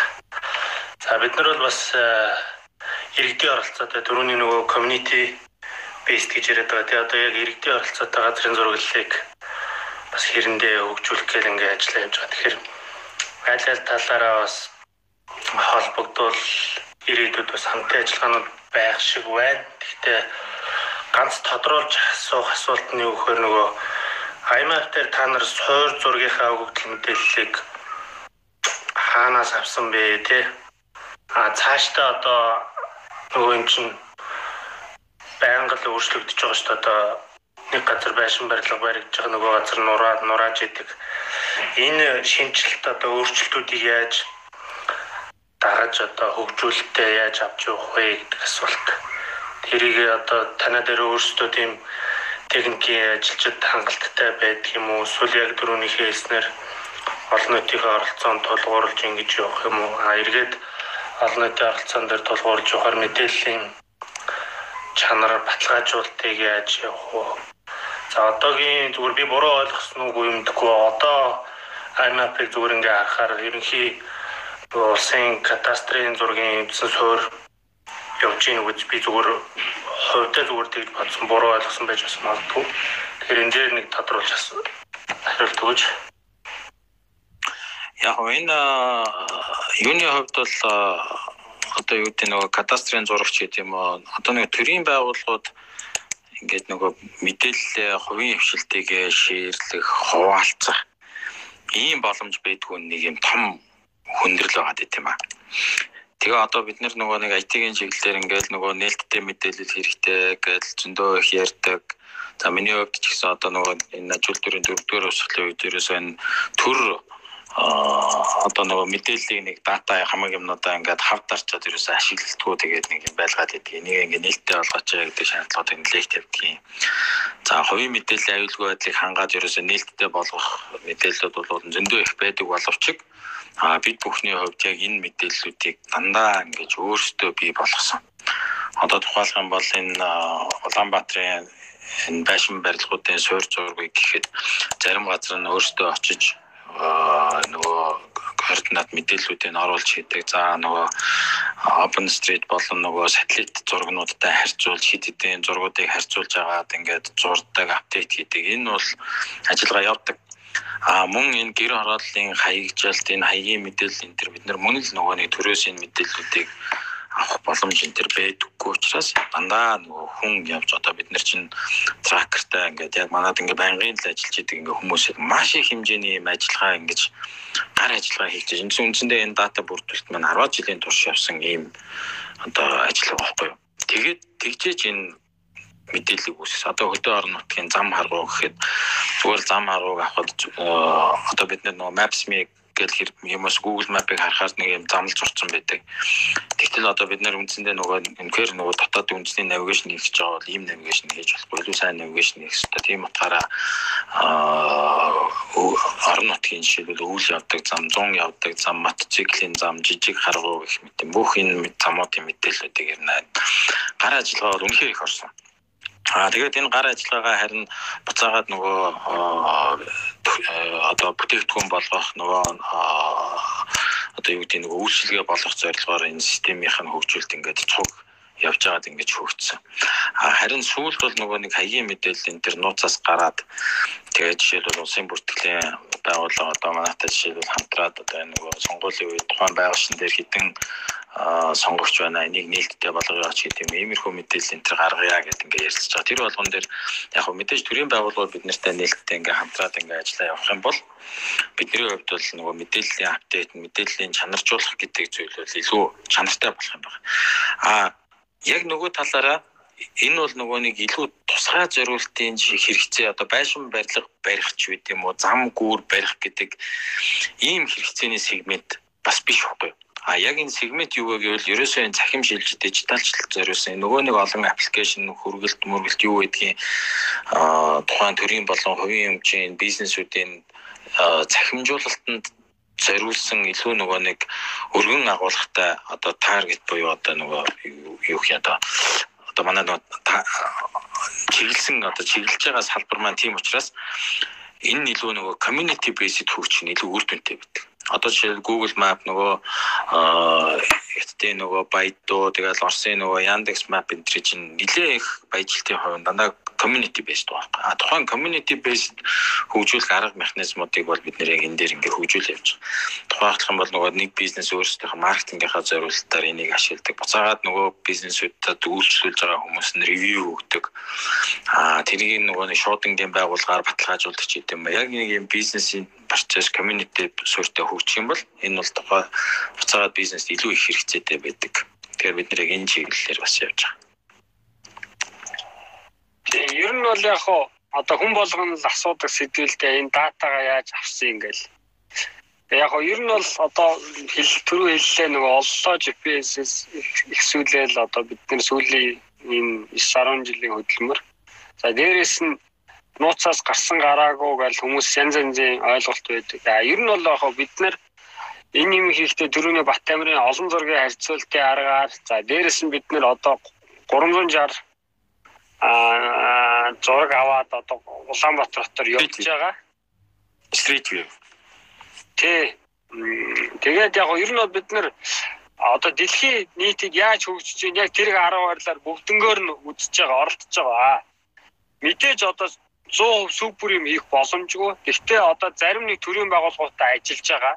Аа тэгээд зарим нэг нь одоо нууцын гэрээтэй болохоор бас бид нэр дэлгэрэнгүй тайлбарлах боломжгүй. Аа учир нь юу юм бэ гэхээр бид нэр тухайн байгууллагын одоо гэрээ хэлслийн шатнд хийгдэж байгаа ажил аа ер нь бол одоо өөрийн хэлж байгаа хэрхэн байнга апдейт гэдэг тал дээр одоо бид нар гурван энэ чиглэл өрцөө хөгжүүлж байгаа. Тэр нь community based хөгжүүлэн дээрээс нь бид төрийн болон тусгай чиглэлийн үүр үүргийн байгууллагуудтай хамтарч ажиллаж одоо шинээр байшин барилгах, кадастр бий болгох, за төрөний одоо хаягийн шинжилт хийх ч гэдэг энэ байгууллагуудтай нээлттэй хамтарч ажиллана гэсэн байр суурьтайгаар одоо хөгжүүлэлт асуудлыг хийн. За 3 дугаар бид нар одоо энэ Монголд одоо суурь ашиглагдж байгаа GIS системүүдийн одоо үн төлбөртэй харьцуулахад манайх илүү ашигтай байх мэдээлэл байнга шинжилж авах эхний их үүсвэрээр бид нар програм хангамжуудаа нийлүүлэх ийм байр суурьтай байгаа. А ер нь бол А дэлхийн нийтэд одоо Google жишээлхэд яаж ажилтгүй бид нэ тэр зэгчмээр л ажиллаж байгаа. Google ч гэсэн нойлоос нь эхлээл өнөөдрийг хүрээд ингэ явж байгаа. Бид нар ч гэсэн одоо тэр зарчмаар л бий болгож байгаа. Тэрнээс бид нэр айл гадны компани ч юм уу сорсон дээр а нөгөө нэг леер нэмэл эсвэл open source дээр одоо лого өөрчлөлт хийж байгаа зүйл биш. Хүмүүс одоо энийг байнга асуудаг. Монголчууд хийж чадлаа юу ч гэдэг юм уу. Ер нь одоо монголчууд хийж чадахгүй ч гэдэг юм уу. Ийм байшуулнаас хамтдаг. Өнөөдөр бид нар ICT group өөрсдийн одоо Amazon-тай адилхан cloud service бүтээсэн байгаа. Яг Google-тэй адилхан map систем бүтээсэн байгаа. А тэгэхээр бид нар энэ бол одоо юу гэдэг нөгөө дэлхийн нийтэд ил болсон технологи дэлхийн нийтэд арга аргачлал ил болсон технологи төрөний хэлсэн Гакумото гэдэг хүн бол одоо энэ Kiwi гэдэг стандартыг өөрөө дэлхийд бий болгосон хүн байгаа. Тэгэхээр бид нарт бас ийм одоо азарч гэдэг юм уу, бурхны авралаач гэдэг юм уу, ийм сайн зөвлөх одоо ийм мундаг ийм хүн таарж бас заа зөвлөсний хүчинд энэ бүхэн бий болж байгаа. За бол эрдэнэ цэцний аймагт асуултанд зөв хариулсан байх. Бүрэн хариулсан байх гэж бодож байна. Нэмэлт асуулт байна уу эрдэнэ цагта? За баярлалаа. Тэгээд яг хоо би яг нөгөө дараагийн нэг юм санал болохоор бид нар бас иргэдийн оролцоотойгоор ингээд залуучуудын оролцоотойгоор 21 аймагаас ингээд бид нар community maps гэдэг хөтөлбөр хэрэгжүүлээд 21 одоо яг аймаг орон нутагт амьдардаг ийм хүмүүсийг хамарсан ийм хөтөлбөр хэрэгжүүлээ тэр хөтөлбөрөөс одоо бүрдэж орж ирсэн community map-саараа бид нэр 2-7 хоног тутамд энэ OpenStreetMap дээр Mapton зохион байгуулад Mapton-ороо бид нэр тухайн аймаг орон нутгийнхаа аль нэг сумын төвч гэдэг юм уу те нэг сонирхолтой онцгой одоо сум сууринг сонгож аваад ингээд OpenStreetMap руу ингээд оруулаад явж байгаа. Тэгэхээр яг нөгөө талдаа бид нар ингээд нөгөө байнга OpenStreetMap дээр мэдээлэл шинжилж байна. А эсвэргээрээ та бас эргээд бид хэдтэй бас хамтраад магадгүй одоо тэ OpenStreetMap дээр орж байгаа тэр хөгжил мэдээллийг илүү IMAP-ийн одоо стандарт шаардлагад нийцүүлээд ингээд холбоод ингээд цаашаага нөгөө мэдээлэлээ байнга юм шин байлгах тэ мэдээлэл гэдэг чинь өөрөө цаг минутаар хувьч өөрчлөгдөж одоо шинжлэгдэж учраас тэрийг одоо нөгөө айлуулах амьд байлгах сүүлийн хувьд updated version байлгах гэдэг тал дээр нь бас цаашдаа бас хамтарч ажиллавал бас боломжтой хэсгүүд бас харагдж байна. Тэгээд сонирхолтой танилцуулга хийсэн та бүхэнд баярлалаа. За. За баярлалаа Эрдэнэ цагтаа. Юуны наач бас сонирхолтой байна. Яг нөгөө OpenStreet-ийн аа нөгөө юунд оруулалт нөгөө мэдээлэл оруулдаг ийм залуучуудын одоо community юм байна шүү дээ тийм ээ. Тий.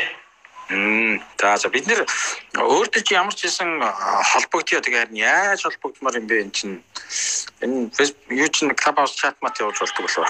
Очрохоос та надаас очрохоос миний контактыг авчих. Тэгээд хэдүүлээ дэлгэрэнгүй сайхан ярилцъя. Тэгээ тэгээ. Одоо бид нэг ийм юм яг ингээд хийх гээд байгаад байна. Энэ нэрээс шууд л авах юм байна. Google-ийн нөгөө нэг local guide гэдэг байдаг шүү дээ нөө хөгжүүлэгч нар тийм нөө локал нөө хөгжүүлэгчд гайд одоо нөгөө нэг тухайн жишээлбэл ингээд нөгөө юунуудыг POI-уудыг нэмдэг тэгээд тэн дээр нөгөө ревю хийж үнэлгээ хийж мэдэг ийм юу байгаа гэдэг. Тэгээ яг энийг бас л энэ нөгөө нэг дотоодынхоо энэ системд зориулж хөгжүүлж байна. Гэтэ яг ялгаатай илүү нөгөө урамшуулалтай одоо нөгөө Google Local Guide бол ямар нэг тийм төлбөр мөнгө ч юм уу тийм юм байхгүй шүү дээ. Аа тэгвэл бид нар нөгөө талдаа болохоор энэ нөлөөнүүд бас нэг тодорхой хэмжээний төлбөртэй урамшуулалттай нэг ийм хөтөлбөрийн яг ийм нэг концепт боловсруулад байгаа маа. Тэгээ нөө нээлтнийхээ үеэр тэрийг зарлах юм. Тэгээд энтэй холбоотой ч гэсэн бас нэг санал солилцох юмнууд бол байгаа юм байна шүү. Би тэгэхээр очроогоос контактж аваад холбогдъё. Баярлалаа. Тэгээд би Батамирын юу ч гэсэн эрдэнэ цагтар өгч. Угаасаа Public Club Mongolia манай Монголын геометрийн холбоос хамтарч ажилладаг байгаа.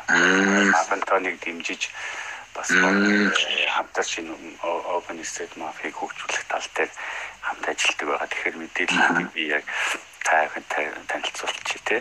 Тэгээ өстө баярлалаа. Би ганцхан юм нэмэд хэлж баачрах. За За sorry дараагийн хүмүүс дараагийн хүмүүс бас зөндөө байгаа. За би манайх ингэж байгаа бас чи бүтнүү гэж асуугаад байгаа.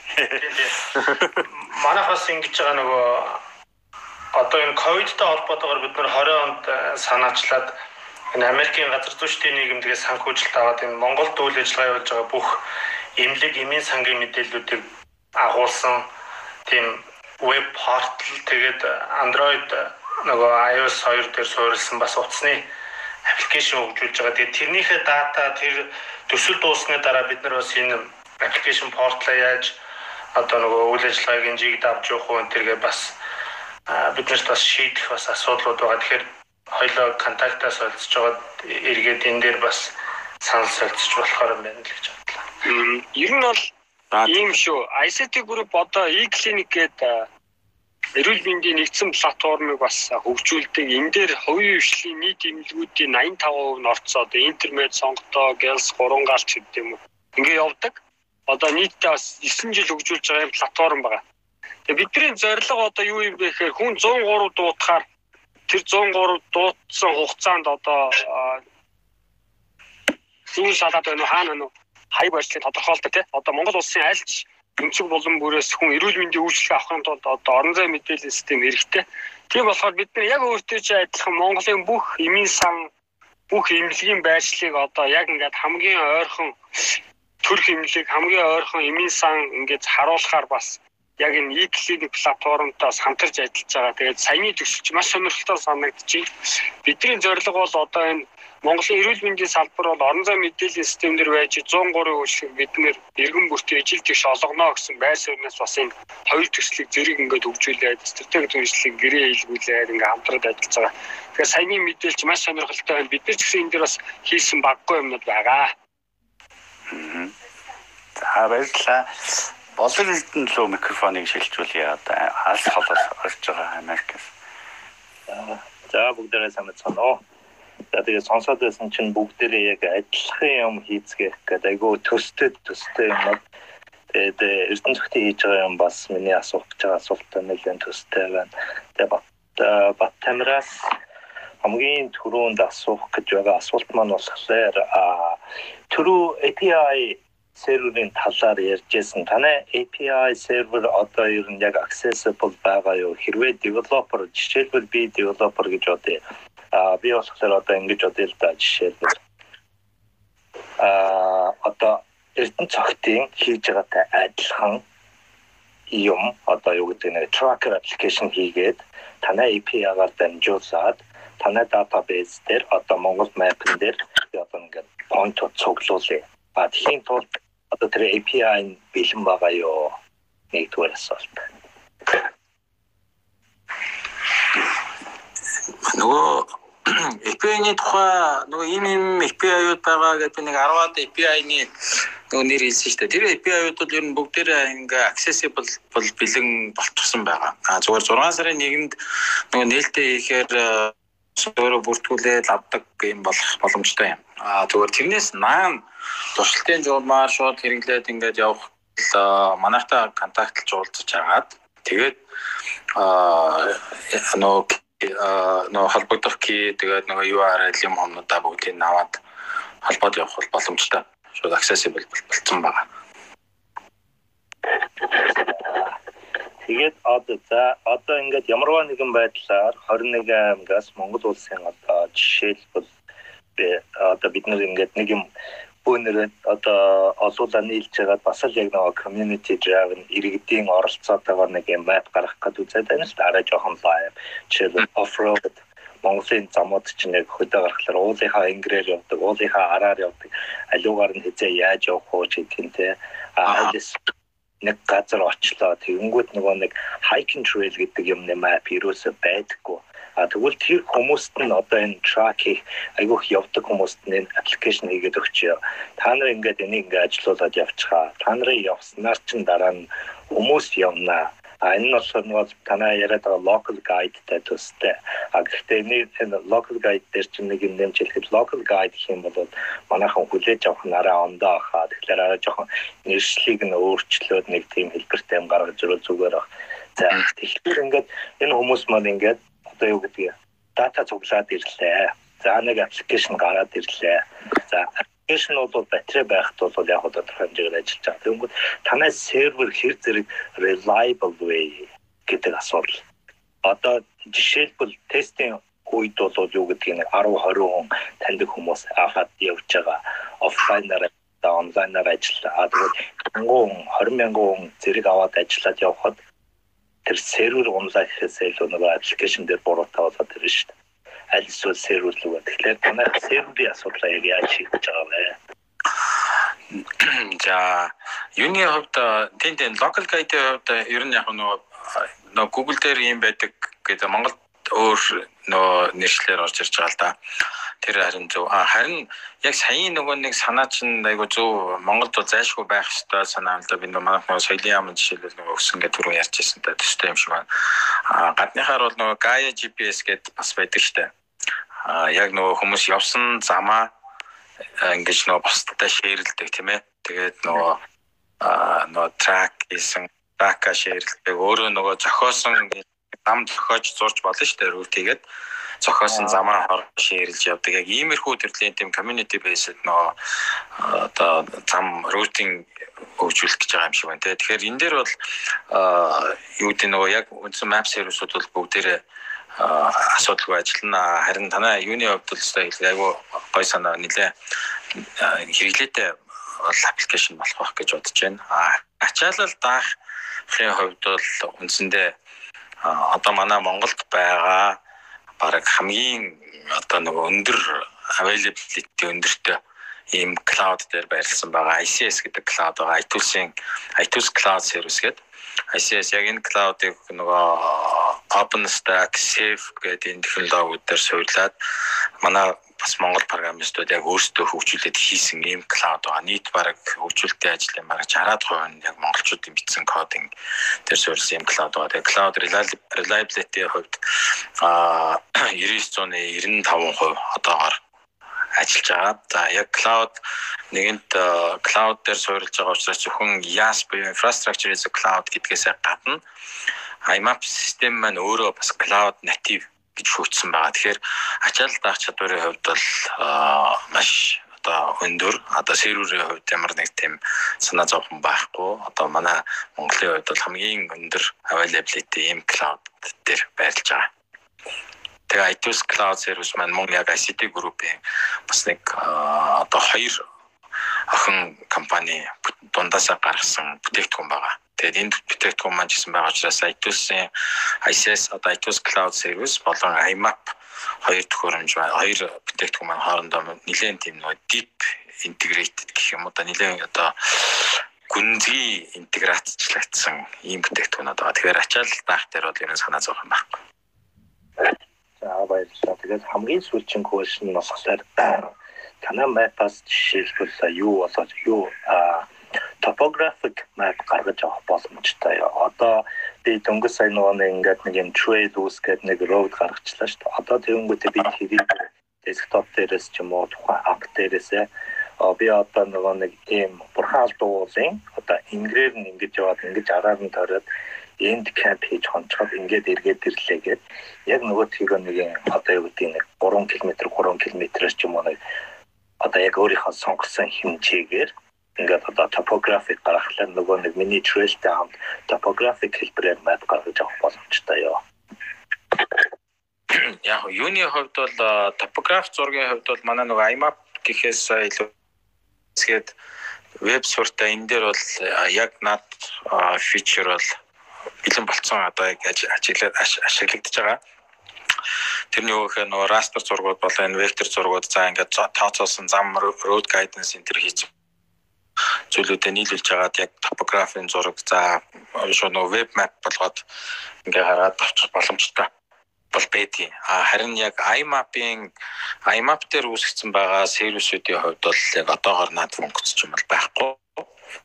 Энэ яг иймэрхүү аппликейшн хийгээд ингээд явна гэвэл одоо нөгөө энд чинь нөгөө жинхэнэ нөгөө Монгол компани үндэсний компани одоо давуу тал гарч ирж байгаа шүү дээ. Одоо жишээ гадны системүүд төр юм байхгүй бол одоо энийг нэг бол хөгжүүлэхийг нь хөгжөөд бэлэн болохыг хүлээнгүй бол тэгэл контактлал гэдэг манай Монголын зах зээлийг тоохоогүй юу те.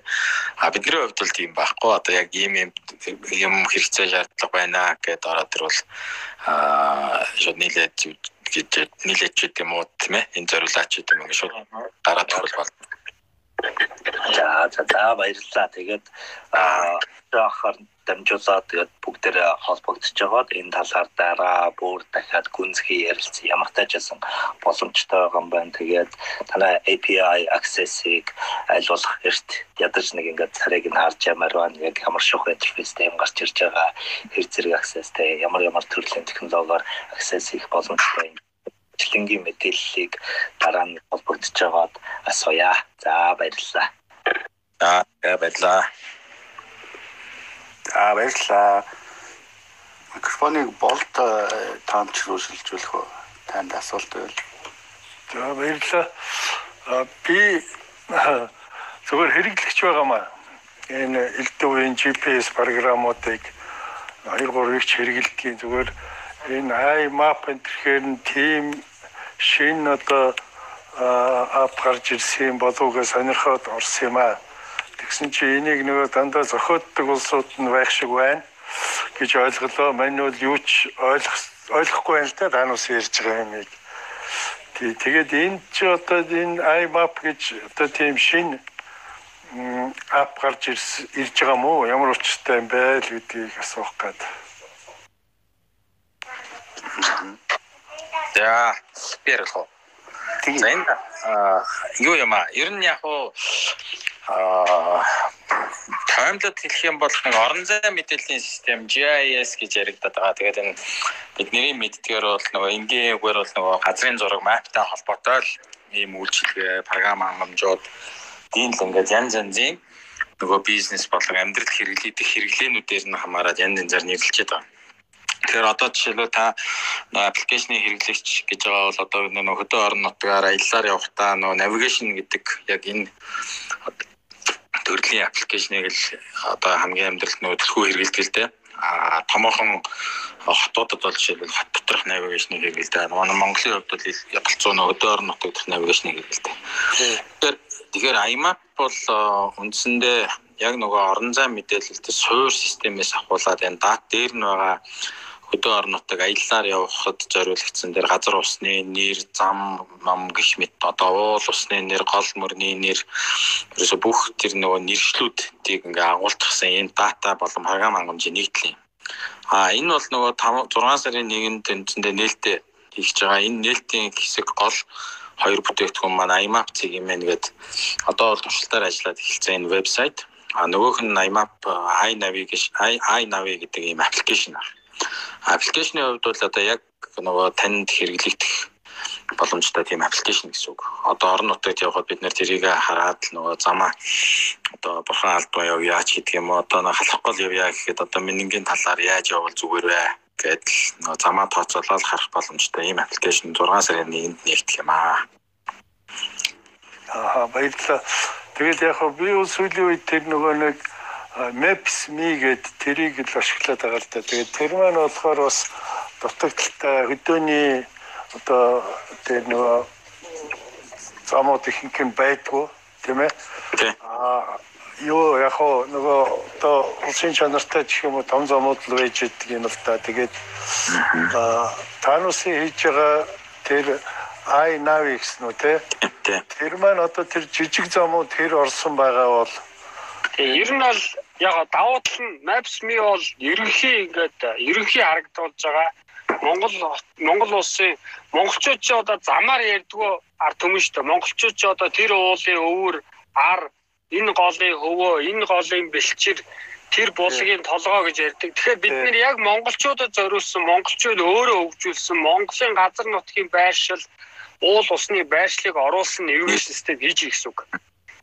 Тэгэхээр одоо өмнө нь ингээд одоо хаагур явж байгаагаа ерөнхийн нэг зам тэгээ сумын төвийн нэр байдаг байсан бол одоо ингээд тавьцсангуу дэлгэрэнгүй юм а maps meet ижилхэн монголчуудын хөгжүүлсэн бүтээгдэхүүн гарч ирж гэсэн. За тэгээд энэ маань одоо ангийн зам, загасчны зам, түүхийн зам, явган үний зам, машины оффроуд гэдэг ингээд маш олон замын тэмдэглэгээтэй а дээрэс нь community based хөгжих боломжтой тий одоо Монголын нууруудын байршил, Монголын хүрхрээрүүдийн байршил тий Монголын сүм хийдүүдийн байршил гэдэг монголчууд өөрсдөө хөгжүүлж болох бид нар энийг яаж л бол яаж цаашаа хөгжүүлэх боломжтой тийм офлайн, онлайнд ажилладаг navigation system гэсэн үг. За за баярлалаа. Тэгээд э, би бас нэг өөр юу хэрэгэлдэг юм аа. Одоо би нэрийг сайн санахгүй нөгөө машинд байдаг болохоор тэр бол нөгөө нэг ийм нөгөө газар зүүн картуудыг ингээ хувиргаад оруулцдаг ямар юм бэлээ. Одоо тэр минийхэр бол military soviet map гэдэг. тий тий тэр чинь нөгөө нэг ингээ хувиргаа оруулцдаг програм нь юу вэ? Ап нь тэрийгэ санддаг бай. Тэр бол нөгөө нэг тийм мапуудыг оруулахаар их нөгөө харахад ойлгомжтой хаана явж байгаагаа одоо чиний урд уул ус байна уу эсвэл бол мод төгөл байна уу намаг байна уу гэдг нэг сайн харагдаад гоё байдаг юм л да. А зүгээр мэпгүй зүгээр нэг нийлсэн тийм цагаан суурин дээр болохоор урд чи юу байгаа намаг байгаа байна уугүй юу хаягаар нь явах уул ус байгаа мó гэдг нь харагддггүй болохоор жишээлбэл тэр Maps Me чинь тийм л дээ. Тэгээд нэг тийм тиймэрхүү юм уу. Би бол нөгөөхөө л голцоо хэрэгэлдэг. Тэгээ би одоо нэг санддаг байна. Тоогийн асуултанд бүрэн хариулсан байх гэж бодож байна. Инкот микрофоныг шилжүүлээд инкота. За баярлалаа. За баярлалаа. Нөө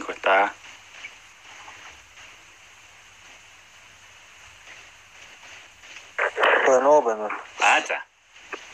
Нэг 2 3 нас учраас эхний нь болохоор та нарын одоо сум орнотын офроуд зам мэдрийг оруулж байгаа чинь тэрийг оруулахдаа ямар аргаар ямар аргачлалаар оруулж байгаа вэ? Тэгээд аа нөгөө нэг энэ ерөнхий одоо нөгөө Google Map дээр чинь тухайн газрыг мэдгүй газар байх юм бол тухайн хүн юзер ч юм уу GPS локейшнээр нэмээд оруулаад явдаг тийм боломж байд юм уу?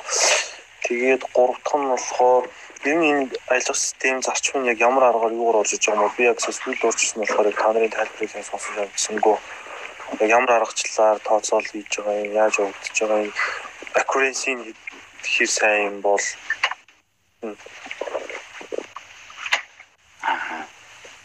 тайлбарлах уу? Инквал тайлбарлах уу? Аа тэгээд за би ярих ерөнхийд нь Үндсэн суур зүр нь бол 1.100 мянганы зурган дээрээс үүссэн байгаа А энэ автомын хувьд бол ер нь өөртөө явж тракинг хийгээд дээрэс нь сателлайт зурагтай харьцуулаад а тэгээ бас тусгай програмаар шууд таниулдаг програмуудаа өөртөө зохиосон програмууд байгаа. Зам бол зам гэж танигддаг тийм програм таниулсан байна.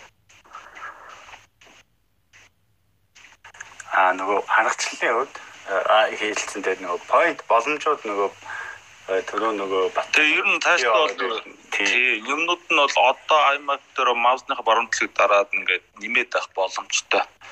Тэгээ тухайн байршлыг бид нар яг шалгаад зөв үү хотлоо гэдгийг шалгаад зөв байв шууд оруулаад админ нь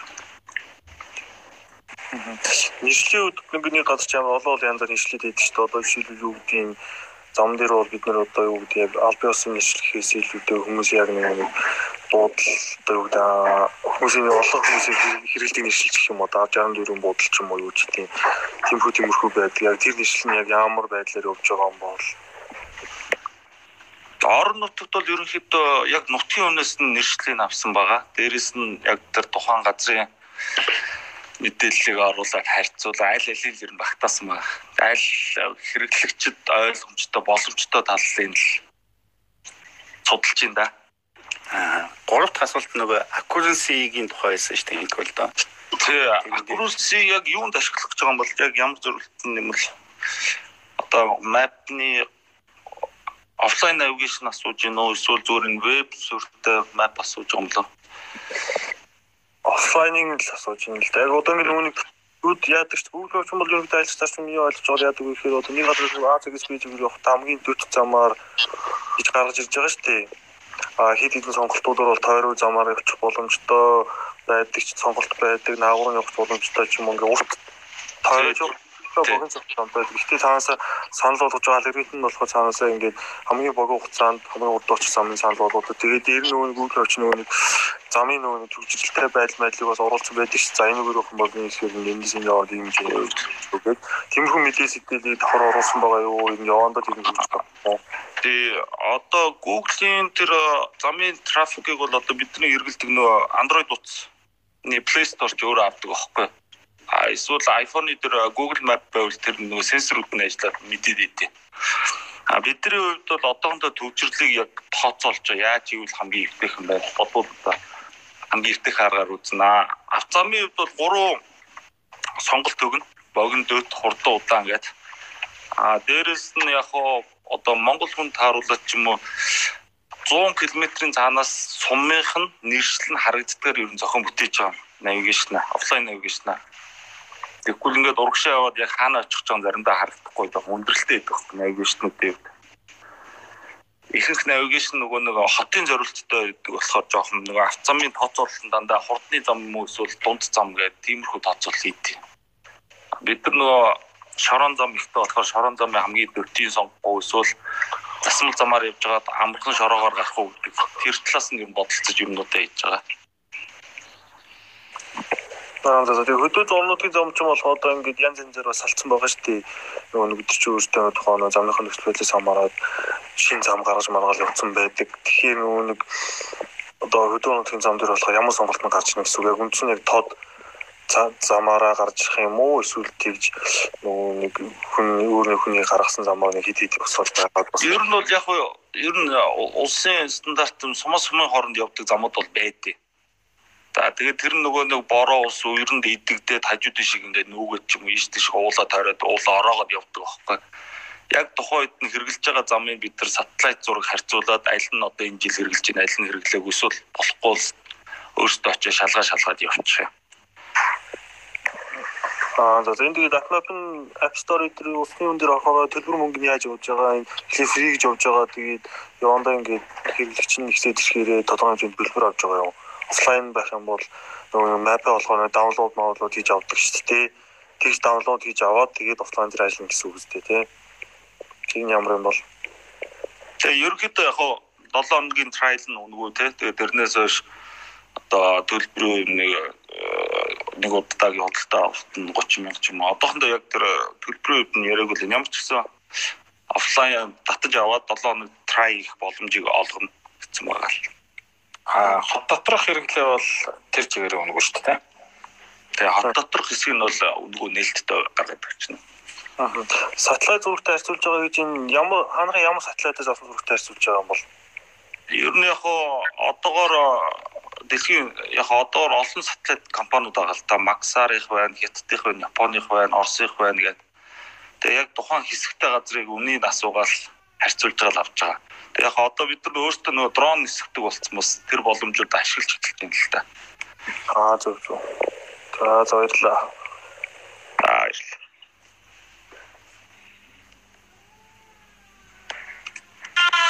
За дараагийн асуулт Дайзи Димит микрофон нэг шилжүүлээ. Аа, ороймонд. Ороймонд. За нэлээд сонирхолтой яриа болж байна. Тэгээд зөндөө асуудлыг бас шийдсэн. Гоё хөгжүүлэлт хийж байгаа юм байна. Тэгээд цаашд нь амжилт төсөй. Миний асуух гэж байгаа юм болохоор одоо та нарын хөгжүүлж байгаа тэр нөгөө десктоп софтвер байгаа гэсэн тэр нь одоо трайл юм хийгдэж үзэж болох болов тэр нь ер нь одоо бусад QGIS, ArcGIS эдгээрт ер нь яаж зохицож ажиллаж байгаа вэ? Дотоод яг нэг өөрсдийнх нь Jota Topaz-ийн формат юмнууд нь ер нь бусад одоо формат софтверуудтайгаа хэр зохицож байгаа вэ?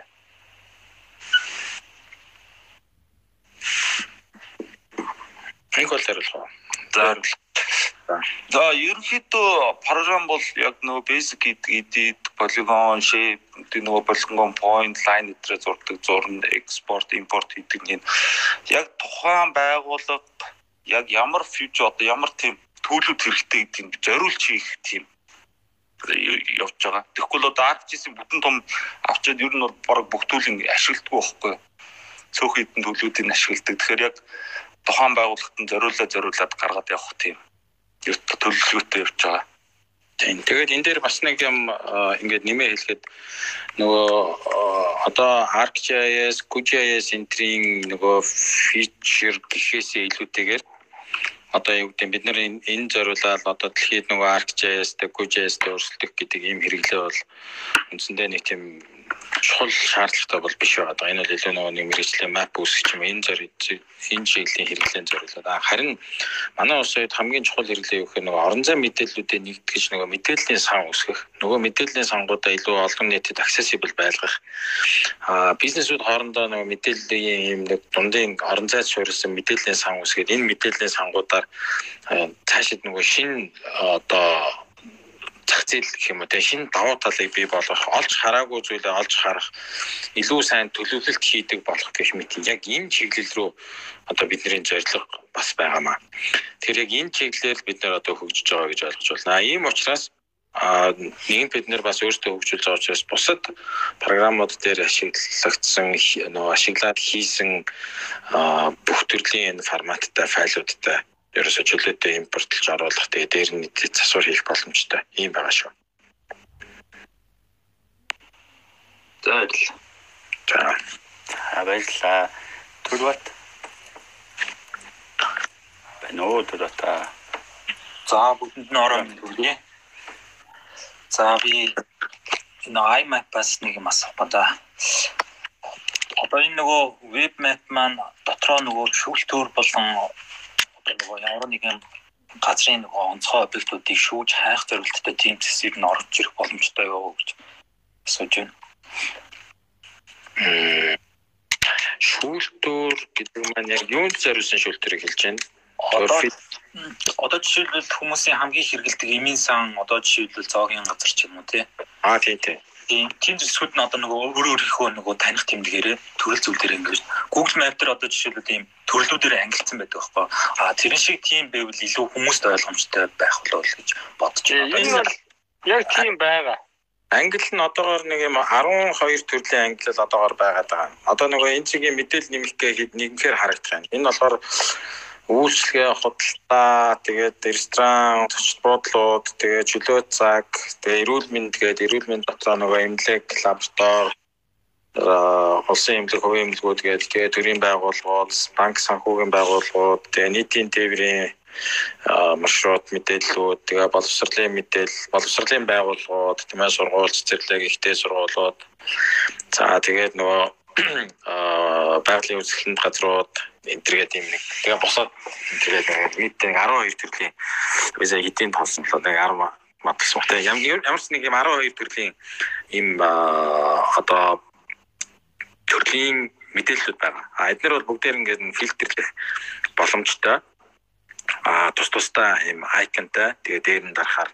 Одоо жишээлбэл яг нийцэг дээр явж байгаа надад хамгийн их имлэг лаборатори хаана гэхэд шууд үзэх боломжтой болох юм одоогор бол яг ийм дөрвөн төрлөөр нийтдээ нэг 68 мянга орчим мэдээлэл бол цуглараад орсон байна. Газар цэгийн мэдээлэл юм уу? За бас дээрэс нь бас нэг юм нэмж асууад одоо нөгөө газрын харилцаа гэдэг зураг 100 газраас баталсан нөгөө хаягийн мэдээллийн нэгдсэн шинжилсэн нөгөө нөгөө гаргаж гаргаж байгаа. Тэрнтэй танай веб map маань хэрэг зохицож ажиллах вэ? Одоо гэр хорооллын газруудыг одоо шинээр хаягжуулалт хийлгэж байгаа. Тийм.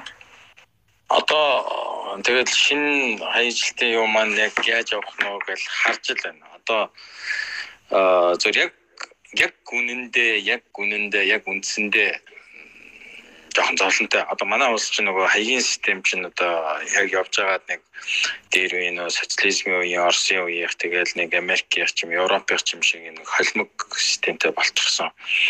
Тэгээ энийг ингээд шийдвэрлэх хэцүү. За бид нэр жишээлбэл одоо байгаа энэ хаяа одоо иргэний өмнөхөн дээр иргэний өмнөхөн дээр л бичигдэх хаяг гэсэн үг шүү дээ. Одоо нэг гудамжаар яваал гудамжны нэр хаалганы дугаартай хаягууд гэр ороолын.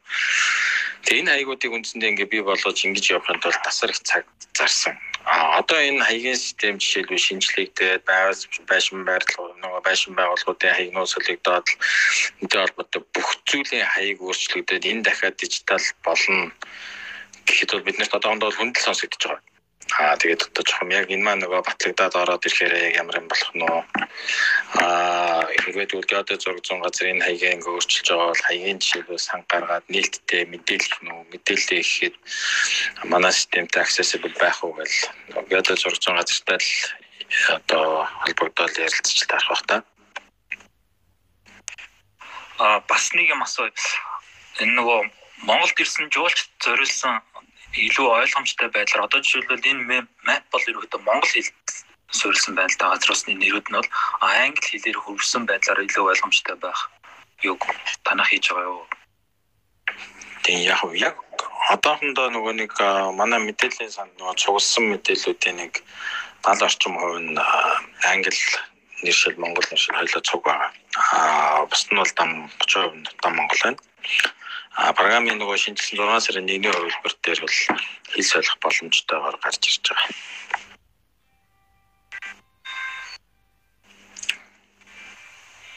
За баярлалаа. Өөр асуулт байна уу та? Өөр тэр нөгөө байр зүүн буюу топо зураг оруулах боломжтой гэж ирж ирсэн. Тэрэн дээр одоо газар геодет зураг зүүн газраас гаргасан тэр нөгөө байр зүүн шинэ 25 мянганы нөгөө зураг гарсан байгаа л та. Хуучин нөгөө зургаа шинжилээд тэгээ тэр зургийг одоо жишээлбэл оруулаад веб map service гарвал илүү одоо нөгөө хүмүүс хөдөө боллоо нөгөө аялал жуулчлалаар явахад илүү том хүм байж боломж гэж үзэж байна л да. Аа тэрийг ерөнхийдөө нөгөө офлайн навигашнд нь жоохон тийм дээрүүд нөгөө Oz Explorer Австралийн нэг навигашн хэлсэн шүү дээ. Өөртөө зураг игээд оруулаад ер нь тиймэрхүү байдлаар шийдэж байгаа. Тэгээ өөртөө нөгөө сансрын зураг хийх нүү, топо зураг хийх нүү сонголтуудыг гаргаад өгнө.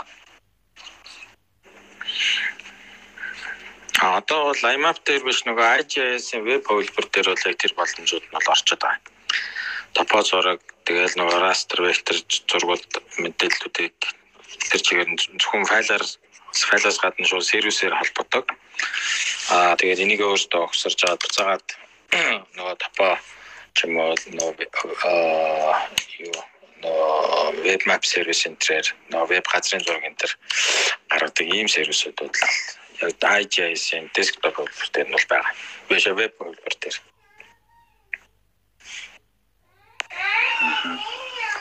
За энэ Kitol UT гэсэн үг нь хүн гараар үлдээд авах гэхээр ерөөсө болохгүй алдаад заагаад байх юм.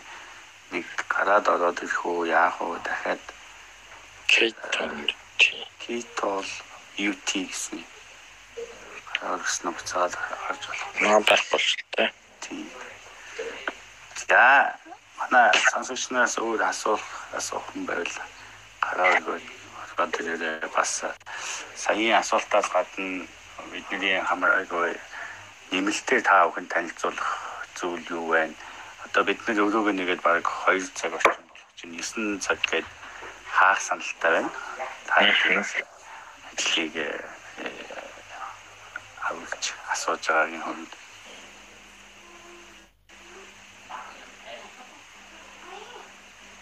За өөр чинь нэлээд ярьлаа дөө одоо өөр ч нэмээд яах бүр орж айгуул манай хоёр тийм чиглэл юм санаа байна. Тийм. За за. Тэгээ сайхан дэлгэрэнгүй ярьлаа. Асуулт суусан хүмүүстээ баярлалаа. За мөн очроод баярлалаа.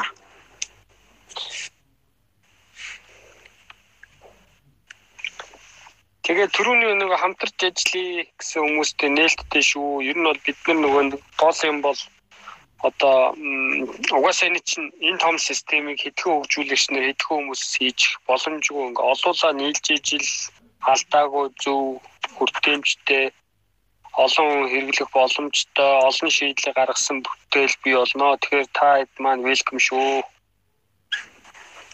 За баярлалаа. Бас бидний саналыг хүл хүлээж авч их гоё өөрсдийнхөө хөгжүүлж байгаа энэ бүтээгдэхүүн зөвхөн нэг IMAP гэдэг веб хуудас биш бүхлөд нь 5 том цогц системийг хөгжүүлж байгаа Монгол залуучууд, монголчууд маань гоё ажил хийж байгаа маань энийг танилцуулж өгсөн та бүхэнд баярлалаа гэж хэлмээр байна.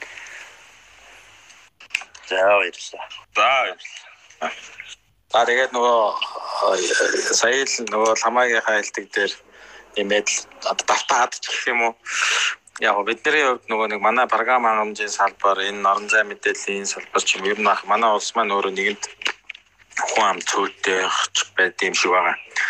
Тухайн салбар дээр хүмүүс цөөтэй. Тэгэхээр юу гэдэг бид нар бол ингээд дан жишээлбэл манай ICT group ингээд орон зай мэдээллийн системээр бүх салбарт бүгдийг хангана гэвэл угаасаа бүтэхгүй энэ яагаад гэвэл энэ нөгөө л бид нэр цөөхүүлээ хүний нөөцийн асуудал бид нэр өөрсдөө бүх салбарт оролцоод энийг ингэ нэвтрүүлээ явах юм боломжууд байдгүй. Тийм учраас та бүхнийгээ ч гэсэн яг өөрөө өөрсдийнхөө ашигладаг одоо ажилдаг салбар энэ тал дээр энэ орон зай мэдээлэлээр суурлаад хийх янз янзын шинэ санаа, стартап, програм хангамж системүүд байвал бид бүхэн ингээд өөрсдийнхөө чаддаг байгаа тийм ээ IMAP cloud одоо хиймэл оюун ухааны платформ блокчейн платформ энэ бүх зүйлээрээ бас дэмжиж ажиллахад бэлэн шүү. Бид нар үргэлж нээлттэй байдгийг шүү гэж хэлье баярлалаа. Та за баярлалаа.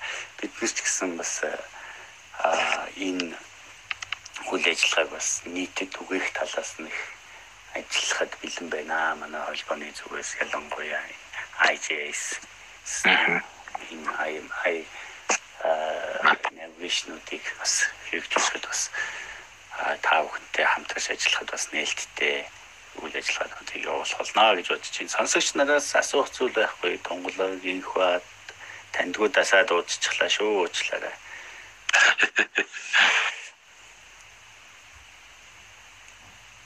За тэгвэл ерөнхийдөө заавал 2 цаг хүлээх биш тэгвэл өнөөдрийнхөө үйл ажиллагааг ингээд хаагаад өрөөгөө хай гэж бодож байна. Баярлалаа та бүхэнд. За баярлалаа бүгд нь өнгөрсөө. За баярлалаа баярлалаа. За